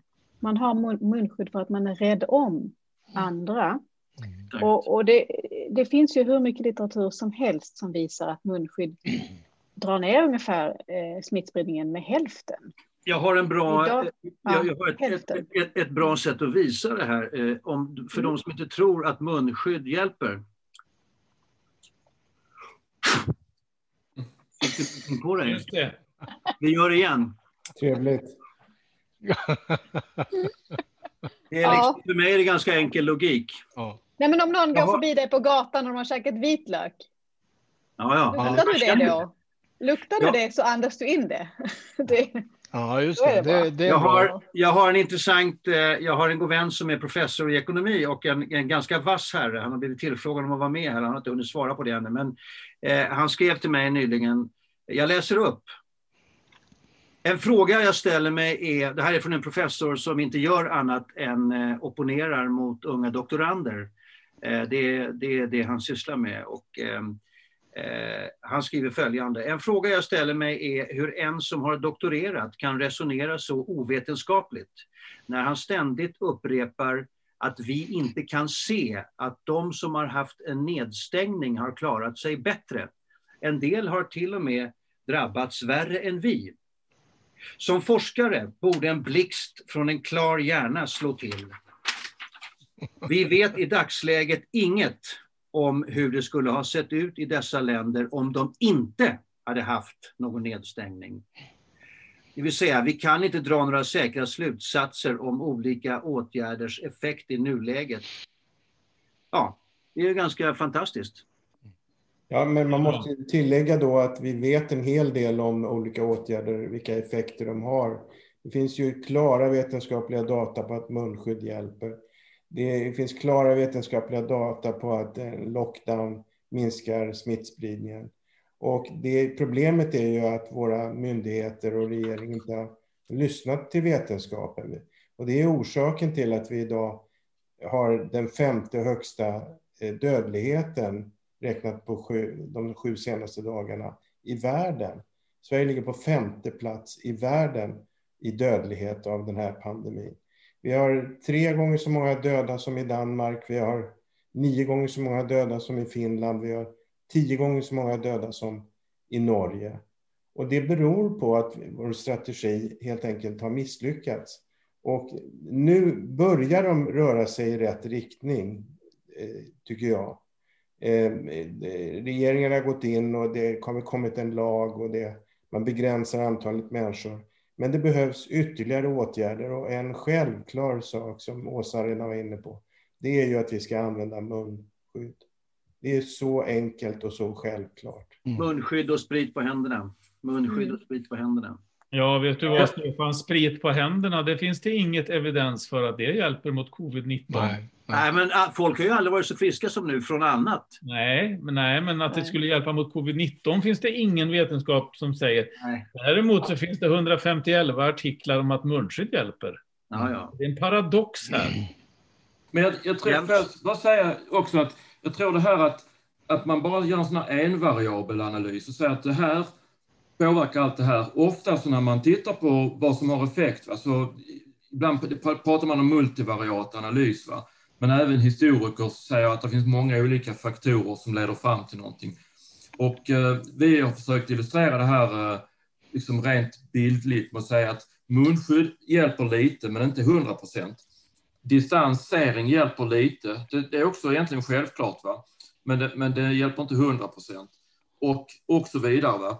Eh, och att man har många olika sådana här saker, det är det som tillsammans ger ett skydd. Ett skydd va? Och det finns evidens för munskydd. Det finns evidens för um, en massa olika saker. Sen finns det saker som Folkhälsomyndigheten ger rekommendationer om där det inte finns någon evidens, men där man ändå kan tänka att det är logiskt. Va? Som till exempel att nysa i armvecket eller någonting sånt där. Va? Um, där är en massa saker som Eh, vi vet utan att vi har evidensstudier på det, som till exempel att fallskärmar hjälper. Va? Det finns ingen evidensstudier på att fallskärmar um, hjälper. Va? det, det, går inte att göra en sån heller, för det är svårt att få en kontrollgrupp att acceptera liksom, att hoppa utan, utan fallskärm. Men det säger sig själv. Och det är samma sak här egentligen. Det finns mycket som vi har studier på. Och återigen, för att komma tillbaka till det här, när vi har studier och det är relativt enkla åtgärder, då bör man alltid ta försiktighetsprincipen och säga att det är inte jättesvårt att ta på sig ett munskydd. Försiktighetsprincipen säger att jag bör göra det. Va? Försiktighetsprincipen säger att om jag har en påse med 20 stycken chokladkakor och säger till dig att en av de här råkar visserligen vara förgiftad, men de andra 19 kakorna är väldigt goda. Varsågod. Och det är bara 5% risk. Då väljer de flesta att säga att Nej, men jag hoppar över den där fikan eh, och nöjer mig med kaffet. Va? För att um, risken är helt enkelt för stor. Även om det bara är 5 va, så är, är, det, är, det, för stort. Va? Mm. Um, och det är samma sak här, munskydd är enkelt. Va? Uh, det är enkelt att införa lite åtgärder i skolan. Och, Ja, en annan fråga som har kommit upp eh, också ganska mycket, det är det här om att det finns, det räcker om man äter vitaminer eller vitamin E, vitamin D och hydrokortison och så vidare. Att, att om man har bra D-vitaminskydd så, så klarar man sig bättre eller klarar covid-19 bättre. Vad, vad säger ni om det? Nej. Nej, det, det, finns. Det är ofta så när det gäller sådana här kriser och katastrofer att man utnämner ofta en det finns alltid någon medicin som någon förfäktar är väldigt bra just för det här. Och då, då plockar man fram diverse studier som visar att det kan fungera. D-vitamin exempelvis, att det kan minska antalet urinvägsinfektioner exempelvis. Va? Sen extrapolerar man det till att gälla även covid-19. Och det finns inga, inga tillräckligt bra och väl genomförda studier för att vare sig C-vitamin eller D-vitamin egentligen skulle kunna hjälpa mot covid-19. Det finns en del andra saker som man har varit inne och funderat på, zink exempelvis, för att man rent, liksom, rent logiskt kan förstå att det funkar. Men hade det varit så att D-vitamin hade hjälpt så hade det varit med i den kliniska arsenalen idag, alltså den medicinska arsenalen vi har för att bota svåra fall. Eh, så tyvärr, alltså, det, det är som att ta en shortcut det där. Det är, det är ett komplicerat virus, en komplicerad sjukdom Vissa saker vet vi fungerar nu, vissa saker vet vi inte fungerar. Men den här bilden kan ändras naturligtvis. Om man gör väl genomförda studier så kan man ändra, ändra det. Ja, det, jag hade också när vi bara fått avsluta det här med munskydd, för jag kan tycka det där är, är en mm. mycket märklig hållning från svensk sida. Eh, när, när eh, så att säga eh, statsepidemiologen Anders Tegnell eh, nu plötsligt medger då att det kan ha en viss effekt mm. eh, i rusningstrafik eh, vissa tider på dagen. Ja, men om det kan ha, ha om, om man nu har haft en, varför kunde det inte haft en viss effekt i våras då? Nej, just det. Alltså det världen, står, världen står frågande. Och, men det där är ju också, det, det där är liksom problematiken också för att det finns en grundläggande problematik och det är ju den här växelverkan mellan media exempelvis och myndigheter och regering. Att media har ju spelat med under väldigt lång tid. Man har inte velat, förutom vissa media då naturligtvis som har varit lite bråkstakar. Men, men där, har de, där har man ju, man, vi som då har protesterat emot det här, eller försökt föra fram det här med munskydd, vilket man nu börjar tycka är okej, eller att det här med aerosolsmitta det sa vi redan tidigt, att aerosolsmitta kan vara en realitet och det är väldigt säkert ett, ett stort problem. Och nu börjar man liksom förstå det, så man måste liksom vandra hela vägen genom katastrofen innan man börjar acceptera det. Men vi som då har fört fram de här idéerna, vi har ju betraktats som kontroversiella. Alltså, jag har fått höra det från journalister när de börjar intervjua mig i tv. Då kan det ha varit, ja, du är väldigt kontroversiell. Och då tänker jag, vem fan är som är kontroversiell egentligen? Ja, men den svenska ja, strategin är kontroversiell. Den är fullständigt galen ur ett globalt perspektiv. Det är också den retorik som accepteras eh, i media är intressant. För man accepterar en helt annan retorik från Folkhälsomyndigheten än man gör från forskare. Mm. Jag tänker till exempel på när vi kom ut med det här dokumentet för skolorna som skickades till alla kommuner om rekommendationer. Den här schweizerostprincipen som Jens beskrev så väl. Och eh, då fick vi vara med i TV4, jag sa några ord och de hade gjort en jättefin video som beskrev den. Och det är ju enkla saker som man gör, bubbeltänk, man har mm. celltänk, man har munskydd. Eh, man är ute så mycket som det går och så vidare. Eh, och, och, då fick jag några, någon minut på mig att förklara det här och bara prata om evidensen för det och så vidare. Och sen får då Johan Karlsson fritt spelrum precis efter och då säger han så här. Ja, det här med att sätta munskydd på barn, det, det tror jag inte på. Vem är intresserad av vad han tror? Nej. Varför är vi intresserade av hans, hans trosuppfattning? Det är ju fakta de ska representera, med en expertmyndighet. De ska lägga fram evidensen för vad som ska göras. Och så har de fått lov att göra ett helt år. Nej, men vi tror inte på det. Det är för tidigt att säga. Vi, vi, vi vill vänta och se lite. Men det, det, är faktiskt inte deras uppgift. Deras uppgift är att tolka litteraturen och inte då utvalda publikationer som stödjer deras hypotes, utan hela litteraturen, så som man gör som forskare. Mm. Man bildar sig en uppfattning från allt som har skrivits på området. Särskilt när så många länder faktiskt har de här åtgärderna, liksom munskydd på barn mm. till exempel. Det är väldigt många länder som har det i skolan. Uh, Italien till exempel, massa länder. Och det, det konstiga är då att inte journalisterna åtminstone tittar på vad säger Europeiska smittskyddsinstitutet, vad säger tyska smittskyddsinstitutet eller amerikanska mm. eller Världshälsoorganisationen. Um, för det som vi säger är inte det minsta kontroversiellt internationellt. Det är bara kontroversiellt i en specifik svensk kontext, va? om man har invägats i att hur ser, hur, ser, hur ser omvärlden på Sverige, alltså i, i forskarvärlden? Vi, vi, vi, är ju betraktade som kufar nu för tiden. Kontroversiella med andra ord? Ja, man, frågar, man frågar om det svenska experimentet är slut. Är det slut nu, det svenska experimentet? Alltså man, man tycker att vi är absurda. Att vi, det var en period då smittspridningen var relativt låg framåt september då några tidningar hyllade oss. Men idag är konsensus i omvärlden att Sverige har misslyckats. Och eh, man förstår inte hur det kunde bli på det här sättet. Och vi upplever ju det som galet. Och det är Alice i Underlandet om man inte ser den troliga utvecklingen. Och jag uppfattar, ni andra får säga emot om ni inte håller med, att från början underskattade man problemet. Eh, och sen plötsligt exploderar smittan. Då kommer den här idén om flockimmunitet. Och så kör man den linjen ett antal månader. Och sen upptäcker man att det inte håller.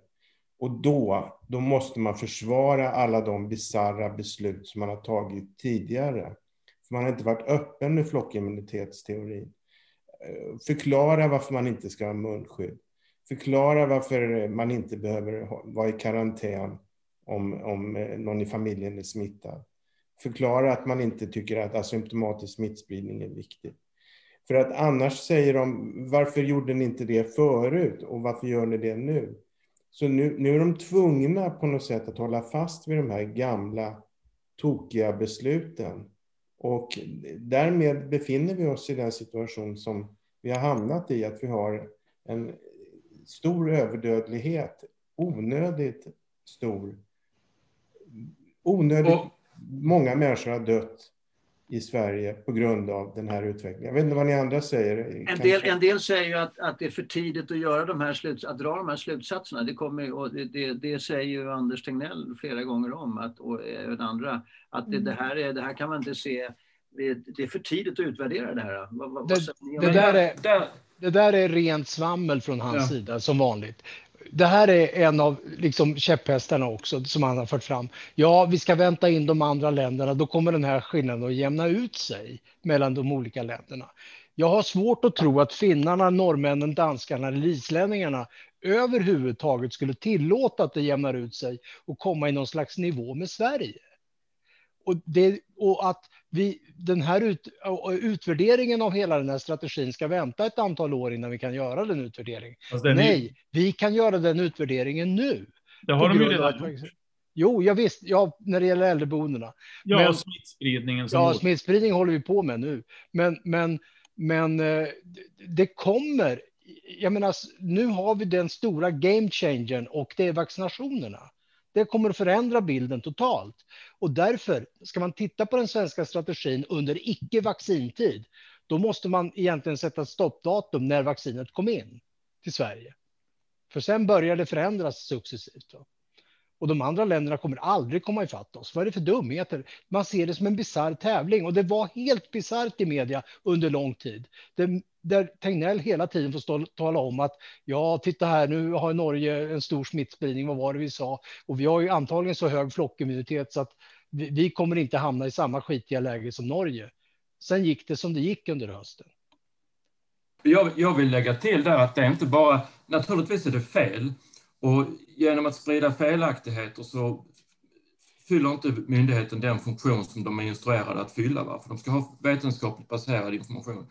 Mm. Men det är dessutom oetiskt. Det dör ja. fler i Sverige i veckan än vad det har gjort i Norge under hela pandemin. Mm. Uh, och att då säga att vi ska vänta på det här vecka efter vecka. Det stör, ungefär som att det störtar ett plan i, om dagen.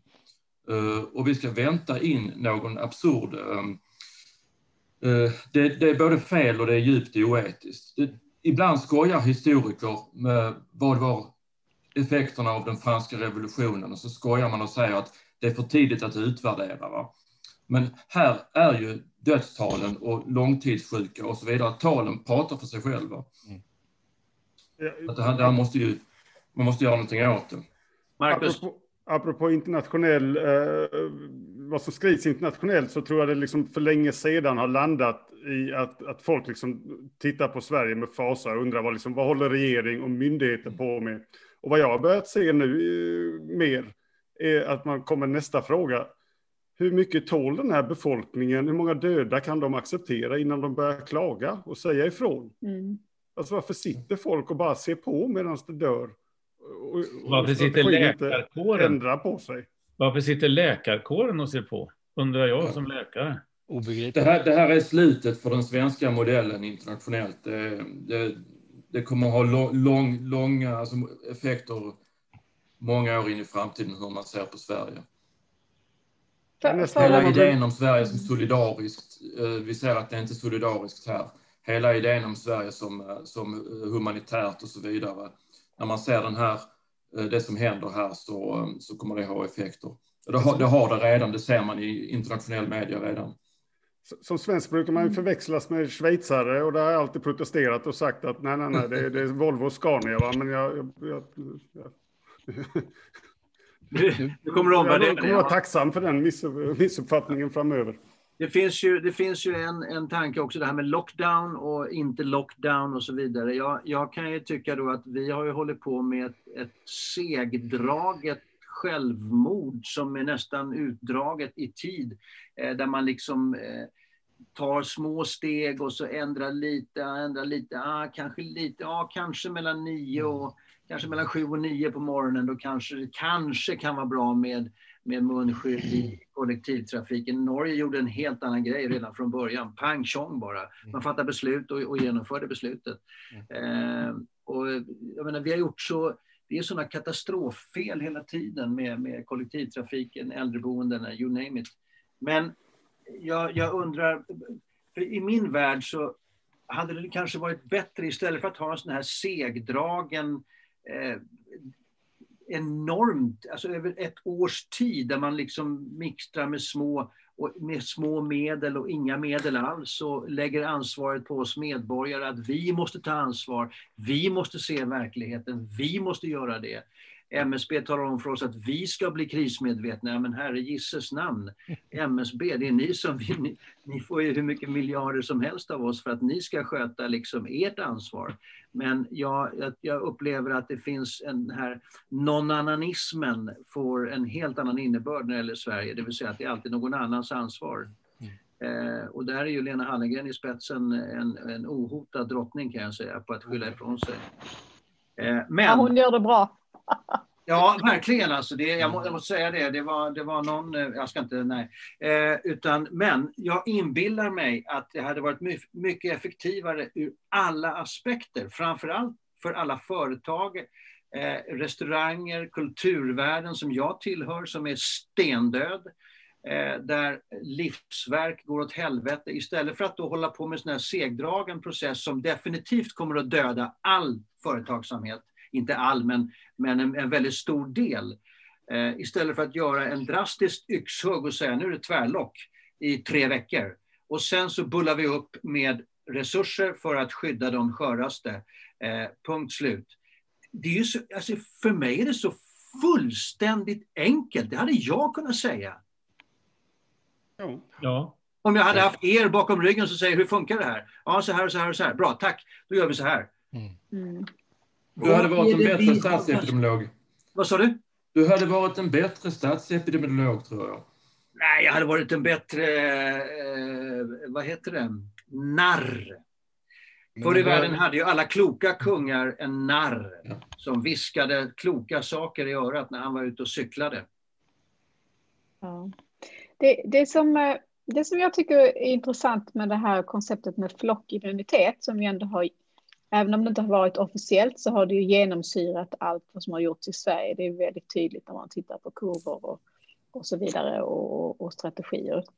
Bara, bara för att belysa lite grann hur bisarrt det konceptet är eh, så skulle jag gärna vilja avsluta med ett par ord om The Great Barrington Declaration, om jag får det. Ja. Ehm, för det, det var ju då en deklaration som skrevs så sent som i oktober faktiskt, när vi redan hade ganska mycket data på hur det här viruset sprids och så vidare och, och hur lång immuniteten är. Ehm, det, det var egentligen inte initierat av forskare, utan det var initierat av American Institute for eh, Economic Research, som är en, en privat organisation. Ehm, och de finansieras av eh, institutioner, dels av eh, The Koch Brothers, amerikanska miljonärer som är, är kända för till exempel att vara klimatförändringsförnekare och, och så vidare och som också får mycket finansiering från eh, fossila bränsleindustrin och tobaksindustrin och så vidare. Så det, eh, det är kanske organisationer som man normalt inte associerar med så hög etik då. Eh, de skrev den här deklarationen där de tyckte att det bästa sättet att hantera coronapandemin är helt enkelt att låta det gå i samhället. Och de som är i riskgrupp, de kan få lov att isolera sig om de vill. Eh, men vi andra ska leva som vanligt. Och på det sättet ska man uppnå flockimmunitet ganska snabbt och det kommer att bli billigast på det sättet. Och, och eh, ganska snabbt kommer det då en motdeklaration, the John Snow Memorandum, där man förklarar att, att det här är ju inte funktionellt för en sjukdom som Eh, covid-19. Dels som vi har diskuterat ganska mycket nu så vet vi inte vilka riskfaktorerna är. Väldigt många riskfaktorer är ju okända. Så därför måste man utgå från att alla är i riskgrupp. Eh, och dels så ser ju inte familjerna ut så att vissa familjer är i riskgrupp och vissa är inte, utan för det mesta så är det kanske en person i riskgrupp i familjen. Och vad ska den personen då göra? Mamma, nu får du gå och bo någon annanstans i två år tills det här är över, för nu ska vi isolera dig. Alltså, det, samhället är ju inte uppbyggt så att vi kan isolera riskgrupper från andra.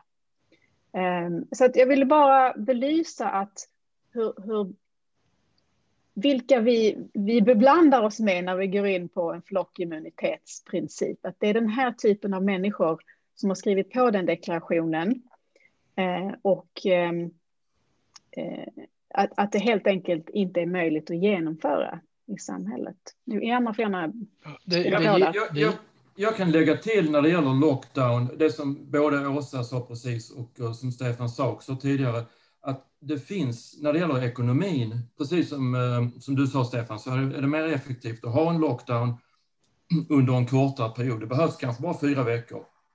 Men när man verkligen slår ner, försöker få ner smittspridningen och eh, samtidigt gör en massa andra åtgärder.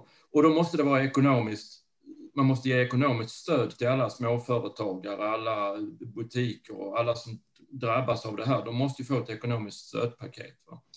Och det finns nu en stor studie av Internationella valutafonden, IMF, som, har, som visar att det är inte ekonomiskt fördelaktigt eller billigare eller någonting sånt där att inte ha lockdown. Tvärtom så visar den här studien att lockdown, det vi annars får det är ändå en slags, det som man kallar frivillig lockdown, men det handlar ju inte om. Om, om två miljoner svenskar sätter sig själv, självvald, eller tvingas att hålla sig undan i, i kanske ett år. Va? Det är ju en strategi som är ungefär säger att uh, hjälp dig själv så ska Gud hjälpa dig. Va? Uh, hela, man missar hela poängen med att ha ett samhälle. samhälle, samhålle kommer det ifrån, det ordet. Va? Man håller samman. Samhället är där för att skydda dig. Man kan inte skydda sig själv om det är jättehög smittspridning. Därför måste man ha åtgärder. Och ekonomiskt så har, finns det också studier nu som visar att det är bättre att, att ha en, en, kanske en månads lockdown va? för att få ner det här. Det som Åsa säger, det handlar ju väldigt mycket också om den första deklarationen, vad heter den, Barton-deklarationen? Eh, vad sa du? Great Barrington. Great Barrington, så heter den ja. Just det, Great Barrington-deklarationen. Den an, an, andas ju väldigt mycket socialdarwinism alltså. Mm. Extremt mycket. Och då börjar man få otäcka vibrationer från andra experiment av den här typen. Med eh, extremt socialdarwinistiska inslag. Lysenko exempelvis i Sovjet, tidiga Sovjetperioden. Eh, där det, man det menar du att de svagare ska... Ja, ska slås ut. Ja. ja. Man slår ut de svagare. Det naturliga urvalet, så att säga. Man måste säga till Folkhälsomyndighetens försvar att när de valde flockimmunitetsstrategi så var det inte till fullo känt vilka konsekvenserna skulle bli. Så att det, det, var en naivitet, men det var, det var ju inte illvilja eller socialdarwinism från Folkhälsomyndighetens sida. Det var, möjligt, eller det var dumhet. Ja, det var dumhet, men jag tänkte på den här deklarationen, för då har man ju tillräckligt mycket ja. information för att begripa vad konsekvenserna blir. Mm. Hörrni, vi, har, vi har kört två timmar här med några korta avbrott. Eh, är det någonting som ni tycker att vi har missat? En... Vad borde Sverige göra nu, enligt panelen? En lockdown på tre till fyra veckor. Man borde stänga ner. Eh, och nu har vi så hög smittspridning både i Sverige och ännu högre i vissa regioner som Skåne. Så man skulle ha en period nu på fyra veckor ungefär där man försöker stänga ner massa olika funktioner. Det måste ges ekonomiskt stöd till de som stannar hemma och så vidare, så det måste förberedas. Även skolorna. Eh, gå ner till skelettskola där bara de som, alltså, eh, alternativt tillfället ändra skolplikten till läroplikt så att många kan ha barn hemma. Då gläser man ut skolorna. Eh, så att man får ner smittspridningen, tillåter den här smittan att, alltså den kommer att gå in i hushållen och så, så kommer det vara två inkubationsperioder va? innan man kan så att säga öppna upp igen. Under tiden måste man ha en massa andra åtgärder. Och så naturligtvis har vi vaccinet som vi, man måste få det att funka så att de inte lyckas så att de inte även misslyckas med just den saken. Man har misslyckats hela vägen hit. Nu, nu är det en sak till. Misslyckas man med det också, ja. ja det känns lite grann som, ja, som att man har Alltså en lockdown nu, det är liksom man har hållit struptag på, en, på, på ekonomin och eh, eh om vi talar ekonomi eh, under så lång tid så att, att, att, att, att bara klämma lite till så, så hugger man huvudet av ekonomin. Nej, men eh, jag var faktiskt ute och intervjuade en eh, restaurangägare som eh, var väldigt, han hade massa kontakter i hela Sverige, som känd krögare här i Lund, som sa det att vi kommer se massvis av konkurser. Han uppskattade 25 procent av branschen kommer gå i konkurs här under, under våren. Om man inte Alltså, I hans mm. synvinkel var det mycket bättre att göra en lockdown och ge honom ekonomisk ersättning så att han kan liksom övervintra fram till, till, till, till sommaren. Va? Än att fortsätta nu, för då går han i konkurs igen. Och han sa att det var många med honom som skulle gå eh, precis samma väg. Ja, det blir dyrare tror jag. Möjligheterna till det där med ekonomisk ersättning finns ju nu också politiskt, så att det är fullt möjligt att göra den där lockdownen med ekonomiskt stöd. Så vi, jag vi har, så här, det jag, jag skulle vi, säga på slutet här, det är att jag tror inte att Folkhälsomyndigheten och regeringen Löfven kommer att ha kraft att göra någonting med det. För att det har gått så långt liksom prestigemässigt och allt vad ni vill. Man kan inte erkänna de här misstagen, så det kommer inte att bli någon lockdown. Det enda, enda sättet att få en, en effektiv stopp på smittspridningen är naturligtvis en sådan ned, ordentlig nedstängning, men det, det, kräver en regeringskris. Och den har jag, alltså jag, med de kanaler jag har så försöker jag påverka de här att att de måste åtminstone vrida om armen på Stefan Löfven. Och det måste man göra kollektivt från oppositionen. Det duger inte med att enstaka partier skickar upp nyårsraketer om att eh, det ena är med berått mod och det andra är si och så, och testning och så vidare. Utan de måste tillsammans, C, L, KD, M och tyvärr SD måste tillsammans sätta sig ner och hitta på en strategi och så ja, tvinga regeringen till ändring eller tvinga fram en regeringskris. Annars kommer vi inte att få någon ändring. Och när, när det gäller ekonomin om... så har vi har ju EMF-studier, vi har Världsbankens studier, så, så att um, det är svårt att, att, argumentera att det skulle vara bättre ekonomiskt att undvika. Ja. Och en kostnad som man glömmer bort i det här, det är ju allt som inte bara har med covid att göra. Så till exempel den vårdskuld som man bygger upp nu.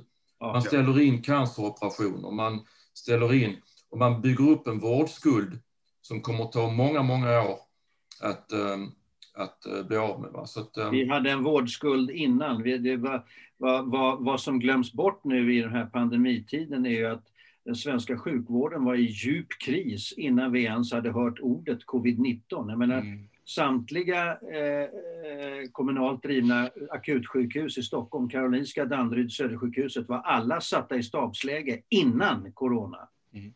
Den svenska, eh, det här är intressant information, Svenska Läkarförbundet anmälde också regeringen till EU-kommissionen i oktober 19, eller ja, oktober 1919, mm. eh, eller 2019, för Eh, att vi underlåter att fortbilda svenska läkare, vilket får till följd att svenska patienter behandlas med uråldriga metoder. Det är Svenska Läkarförbundet som har anmält regeringen. Så att vi hade en vårdskuld och vi hade, vi hade vårdköer som kinesiska muren. Det finns inget, och det är som att det skulle vara självklart att vi skulle ha det, så ungefär som man hade brödköer i Sovjetunionen. Det är ingen självklarhet. Man talar med tyskar, belgare, andra innan corona, pre-corona, inga vårdköer och en helt annan vård. Det finns också en anledning varför svenska höftledspatienter, därmed jag själv, åker till Belgien och, och tar del av nyare eh, varianter av, av höftledsplastik som gör att jag kan träna karate på svartbältesnivå. Eh, så det bara smackar om det fortfarande, eller nu eh, efter operation så att säga. Ja, och sen, eh, Marcus? Ja, varje månad som smittspridningen pågår på hög nivå så kostnaden också för att ta hand om de här långtidssjuka är en annan grej. Men apropå kirurgiska uh, kirurgi då så har jag en, en, uh, en, god vän till en vän träffade jag för ett tag sedan och flyttade något piano. Och då berättade han, så han är kirurg, i stort sett alla operationer är inställda. Så han har eh, inget att göra, så då har han blivit omskolad till covidläkare och stod då inne på, eh, ja, här i Skåne någonstans på ett sjukhus och tittade på en patient som man inte visste hur han skulle hjälpa, som hade svårt att andas. Fanns det en annan läkare i rummet så frågade han honom, eh, vad ska vi göra här? Jag, det här är inte mitt område, jag vet inte hur kan vi hjälpa honom? Nej, det vet inte jag heller, jag är ortoped. Svarade den andra läkaren. Ja. Och det, det låter som en dålig vits, men det är en sann historia. Ja, det finns mycket sånt där att, att dra fram. Palliativa vården är ju mm. fantastisk när den används eh, som palliativ vård i, i ordets rätta bemärkelse. Det, vi har en väldigt fin palliativ vård. Eh, men, när, men när, man, eh, när det nu framkommer med eh, IVOs undersökningar, och det är återigen, eh, det är så tråkigt att kunna säga vad var det jag sa, därför att det betyder två saker. Ett, någonting har hänt som vi inte vill ska hända, aj, aj, aj, usch, jobbigt. Två, att några har uttryckt oro över det som händer men ingen har lyssnat. Eh, jag menar, 18 mars snackade jag om munskydd. Eh, eh, sen i början på hösten här så, så eh, var jag ute och sa någonting eh, och vidarebefordrade en del vittnesmål som kom och det finns ju många sådana där någon förälder som är då eh, skör, gammal, ligger på ett äldreboende och plötsligt får bli ordinerad palliativ vård utan att ens träffa en läkare. Um, och det är, ju den, det är ju det jag menar med att man har använt palliativa vården på ett sätt som är, som är helt åt helskotta. Jag måste korrigera det här. Det, det föreligger begreppsförvirring runt vad palliativ vård är. Palliativ vård är när man inte längre kan bota. Man kan få palliativ vård i flera års tid om man till exempel har en cancersjukdom. Vad man har gjort på, inom äldreomsorgen är terminalvård. Mm. Det är vård i livets slutskede. Så terminalvård är vård i livets slutskede, palliativ vård när man inte längre kan bota. Nu är detta klargjort. Okej, okay. men, men du, förstod, eh, du förstod vad jag menade, det vill säga att eh, Eh, jag menar, det var ju en, en, en kvinna vars, vars, eh, som jag också är bekant med, vars pappa eh, i en annan region blev ordinerad då terminalvård eller palliativ vård. Det vill säga man, man tog bort maten och hade bara måltidsersättning. Man tog bort medicinerna han behövde och man hade började ge honom morfin och han hade inte ens fått träffa en läkare. Mm. Eh, utan det var ett beslut som togs eh, över huvudet på honom och när hon kommer dit och träffar honom så frågar hon, har inte, har, har inte han fått någon mat och så vidare. Eh, nej, vi har inlett eh, palliativ vård var då svaret från vårdgivaren där då. Eh, rätt eller fel, men, men eh, och då så petade hon i honom en liten bit bakelse som hon hade med sig och eh, då slog han upp ögonen och tyckte att det där var gott, kan jag få lite mer? Kom hon tillbaks dagen efter och gav mat och sen tog tillbaks alla mediciner och han överlevde. Och det här är bara ett exempel i mängden. Du, du har helt rätt. Det, finns, det, det har begåtts grova, grova övertramp inom äldreomsorgen. Mm. Ja. Man får hoppas att det blir något ansvarsutkrävande. Sverige har ingen tradition av ansvarsutkrävande, va? Det, det vet vi. Nej, och det, och det, som kan störa mig lite grann, det är jag, jag är politiskt obunden och eh, tittar på världen med, med ett litet utifrån perspektiv. Därför jag tycker det är eh, mitt, min uppgift som, som konstnär, om man nu ska vara lite pretentiös här. Eh, så ehm, eh, det stör mig oerhört när, när till exempel då eh, man börjar snacka om att, att eh, det har med privatiseringar att göra och, och så vidare. Det har inte ett skit med det att göra därför att jag menar, överdödligheten på de kommunala boendena var högre i Stockholm under våren än, än de privata boendena. Jo, det... men alltså den största, den, den, den äldrevård som var mest på tårna i landet var ju Attendo-koncernen. De var ju ute liksom direkt i mars där och jagade utrustning för att kunna skydda sina äldre. Deras vd Henrik Tiveus borde få guldmedalj. Mm. Det var de jag försökte hjälpa där och ringa till Folkhälsomyndigheten men fick ju bara nobben alltså. Och det är privat vård. Ja, ja, ja, men de har 14 000 anställda. Jag ska prata vaccin med dem här framöver. Och sen finns det andra privata som uh, Humana och sånt som inte har gjort någonting alls. Va? Så det, det skiljer sig väldigt. Det skiljer sig, det skiljer sig väldigt. Det skiljer sig väldigt. Och det finns, jag menar, Carema på sin tid som när, när ett amerikanskt uh, riskkapitalbolag köpte upp Carema och började hålla på och mäta blöjor och väga blöjor och, och larva sig. Eh, det, det, är ju liksom, sånt där får inte förekomma. Men det är återigen, ansvaret faller tillbaka på politikerna. Därför att om det är så att man som politiker och är ansvarig, för vi måste ha ansvarsfulla politiker som tar ansvar och vågar, inte bara säger utan verkligen tar ansvar. Därför att då är det de politikernas ansvar att se till att all vård, vare sig den är privat eller kommunal, faktiskt bedrivs på ett människovärdigt och korrekt sätt. Punkt slut. Mm. Samma sak med när, när, man, när man sålde och bolagiserade ap apoteken. Mm. Eh, Okej, okay, det fick privatiseras. Ja, ja. Eh, det är klart som fan, de är ju vinstdrivande företag. Självklart skulle politikerna ha sagt, ni får, vi bolagiserar det här, varsågoda. Men det finns en samhällsviktig funktion här. Vi har åtta stycken hemliga medicinbyar i Sverige. Vi är världsledande på att vara själv, eller världsledande. Vi, vi, vi, vi, vi kan vara självförsörjande när det gäller medicinförsörjning. Vi hade medicin, vi hade råvaror att tillverka viktig medicin. Detta måste ni ta ansvar för att det sköts. Det är, det är villkoret. Och vi kommer att kolla det. Mm. Nej, det gjorde man inte, det sket man i, det ansvaret tog man inte. Så det återigen faller på politikerna. Återigen på politikerna.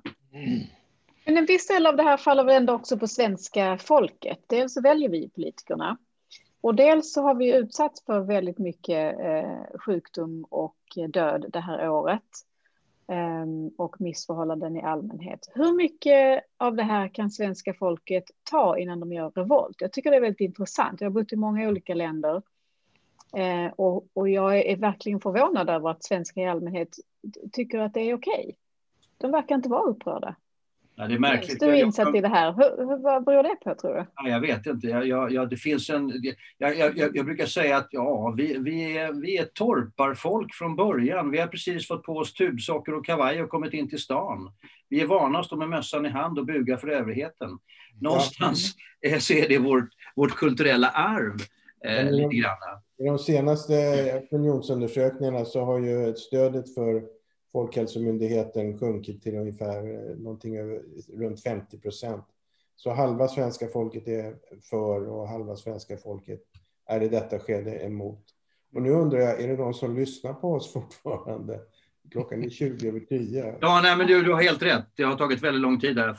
Fredrik Yd, Ydhag. Alla ni som... Ska, ska vi avrunda här? Har vi missat någonting? Nej, men jag, tror... jag, jag, vill, jag vill bara säga en sak på det sista. ja, det sista. Jag... Men vi har ju trevligt i alla fall. Men jag, jag tror också att det fortfarande är ett informationsproblem. Eh, man kan säga att svenska folket bugar sig, men jag tror fortfarande också att det är många som helt enkelt inte har någon annan information än den och de tror på det. Men hur ska man kunna förstå om man är vanliga svenska folket? Hur ska man kunna förstå det här? Det är ju omöjligt. De allra flesta har ju inte alls möjlighet att kunna omfatta alla de här komplicerade sakerna. Så att det går ju inte, utan det faller ju helt tillbaka på handläggningen av, hos myndigheten och sen hos regeringen som har lutat sig mot myndigheten fullständigt blint. Jag pratade med några av eh, toppolitikerna här under våren och de sa bara, jag försökte få dem att ni måste ju påverka regeringen här. Nej, det kan vi inte göra för regeringen de har sitt expertorgan, Folkhälsomyndigheten, och där finns experterna och de, de har klart för sig hur det här ska gå till. Och då är det bara det att nu, nu sitter vi där liksom. Man band sig vid masten som sagt var, men det är inte bara Folkhälsomyndigheten som har surrat sig vid masten. Nej, nej. Denna mast är även Stefan Löfven och, och socialministern, men också alla våra partiledare. Mm. Därför, och det, det framgår ju så tydligt nu när de börjar bråka om vad som egentligen sades på de där tisdagsmötena.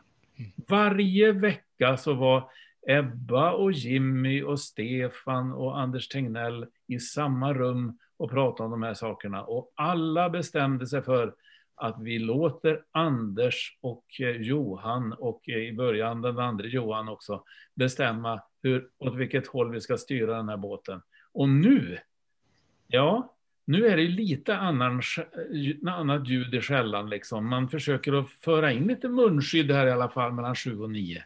Men alla de här partiledarna vill gömma undan den här frågan på något jävla sätt alltså, för att de kommer att få så... De, alltså de håller på att positionera sig inför nästa val nu mm. och inför vad den här coronakommissionen kommer att säga.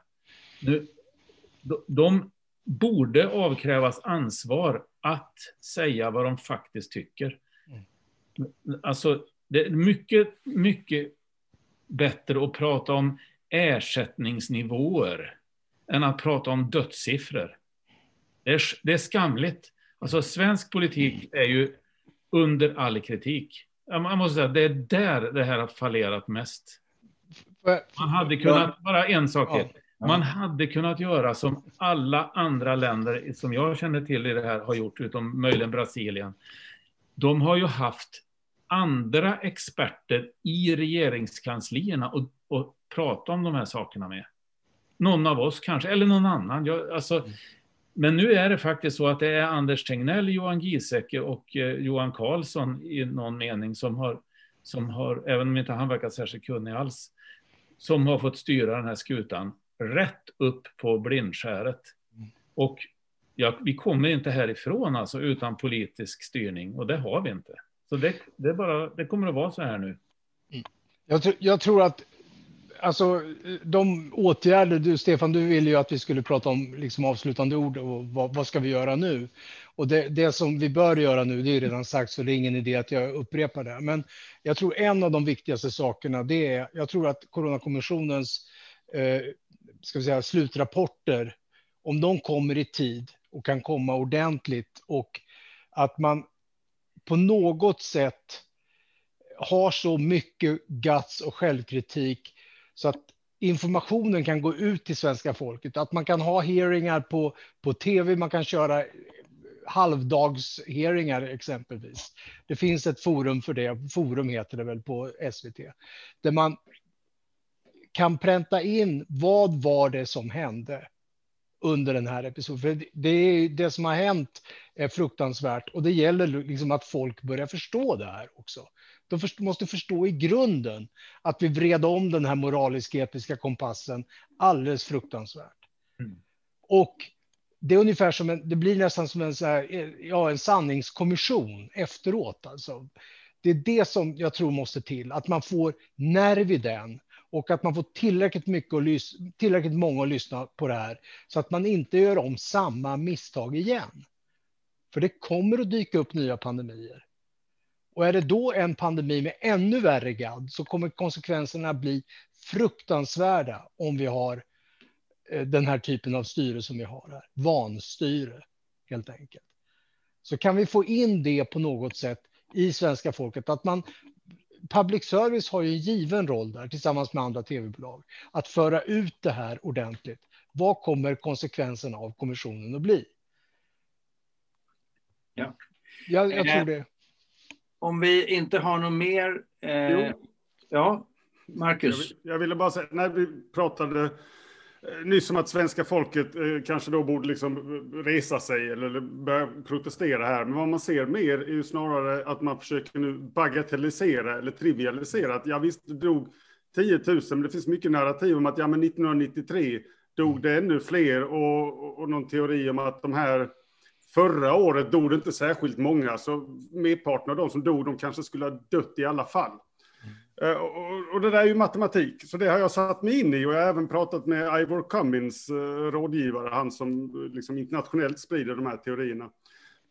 Så för att inte prata i 20 minuter så tänker jag göra en egen video på 20 minuter där, där jag liksom går in på detaljerna här. Men för att liksom kort summera så är det bullshit. Utan att de, de som har dött, de har dött. Och ska man på något sätt, man måste ju ändå vara öppen för att ja, det är många äldre som dör. Så, äh, det är kanske etiskt fel att liksom jämföra dödsfall och så, men man har räknat på det här och kommit fram till att ungefär 10, 12, på ett ställe, 12 och ett halvt något annat ställe, levnadsår går förlorade per människa som dör i covid-19. Det vill säga åtta dödsfall är lika med ett spädbarn, skulle man kunna då liksom väldigt grovt om. Men om jag får inflika, det som inte framkommer i statistiken är barn som dör av covid-19. För de har oftast inte blivit eh, testade eftersom vi inte testar barn överhuvudtaget i Sverige. Och de insjuknar flera veckor efter eh, de har haft eh, grundinfektionen. Och då kommer det inte framgå i statistiken att det var covid-19 de dog av. Så vi vet inte hur många barn som har dött av covid-19 skulle jag säga. För det finns ingen statistik på det. Björn nickar. Mm, det, är, det, är, det är anmärkningsvärt. Minst sagt. Då skulle vi, innan vi avrundar här så vill jag eh, bara stämma av med Fredrik också och till alla er som tålmodigt, eh, om ni har orkat vara kvar så här länge, eh, så kommer det här att finnas kvar. Man kommer kunna se detta igen. Visst är det så Fredrik? Stämmer jättebra och nu fick vi ju ett internetavbrott så det är möjligt att det ligger två olika filer videoklipp ute. Men vi kommer ju givetvis att foga ihop det här inom de närmaste dagarna till ett enda långt klipp också. Okej, när kommer det? Säg två, två dagar så har vi det. Till helgen vore väl bra så att man i lugn och ro kan ligga i soffan och förkovra sig. Absolut, och så kan jag meddela sällskapet att eh, Stefan Einhorn, du undrade ju hur många som hade somnat och sitter kvar. Jag kan säga att vi har haft eh, nära 3 500 tittare hela tiden. Oj. Och nu är det 3276 just nu. Okej, okay. ja det är väldigt bra. Hej på er allihopa. Ja. Hej. Eh, bra, då ska vi ta avrunda detta. Är det någon som har några synpunkter på att vi gör det? Bra beslut. Då, då, gör vi det och så tackar vi. Eh, jag tackar för att jag fick så att säga härbärgera det här, den här hearingen med alla er eminenta forskare eh, som har fått klä skott och blivit kallade en det ena, en det andra av både eh, taskiga kronikörer och you name it. Men eh, det visar sig som att det nu eh, är det nog ni som får rätt i alla fall, eller hur? Eh, Tyvärr. Tyvärr. Tyvärr, ja. precis. Verkligen. Vad var det vi sa? Mm. Eh, och det... Eh, tack till er alla som, som ställde upp. Eh, Marcus, Björn, Stefan, Fredrik, Åsa, Jens.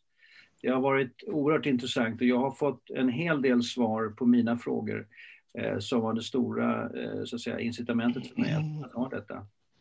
Eh, och jag bara säga att, man kan gå in på www.covid19.se.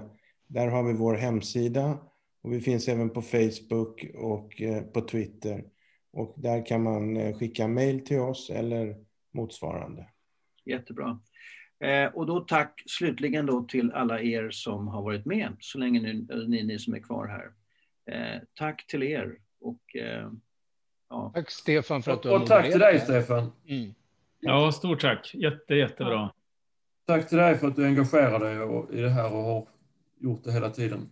Mm. Ja, jag är ju liksom... Eh, jag har ju ansett vara en, en kontroversiell person, har jag förstått. Eh, men, men eh, ja, oklart varför, men, men det, det är tydligen så i alla fall. Och det, det, det är märkligt det där att man så fort man öppnar käften och säger någonting, det självklara, då blir man kontroversiell. Det måste betyda att vi bor, vi bor i något som inte alls är så friskt. Men, men så fort du reser utomlands så försvinner den, det där, för det är Sverige som jag, inte, jag, jag, jag, jag rör mig väldigt mycket ute i världen, jag har gjort det fram till covid-19 här. Eh, och eh, då, där är, flyter jag in som nå, vem som helst. Eh, och jag är inte ett dugg kontroversiell. Det, det, det är Sverige som förnekar vetenskapen. Ja. Det är Sverige som förnekar vetenskap i, i den här pandemin och det, det, är Sverige som är det platta jorden-sällskapet eh, i Europa här nu va? Och så fråga, beror det här att vi har så svårt att avsluta på att vi trivs så bra ihop eller på att vi har separationsångest? Ja, det, det är en kombination tror jag. Det är ja, både och. Det, livet måste gå vidare. Eh, ja. Vi, vi, får träffas igen på, på något sätt efter pandemin eller så får vi träffas så här. Mm. Eh, tack, tack till er alla där ute och tack till er alla.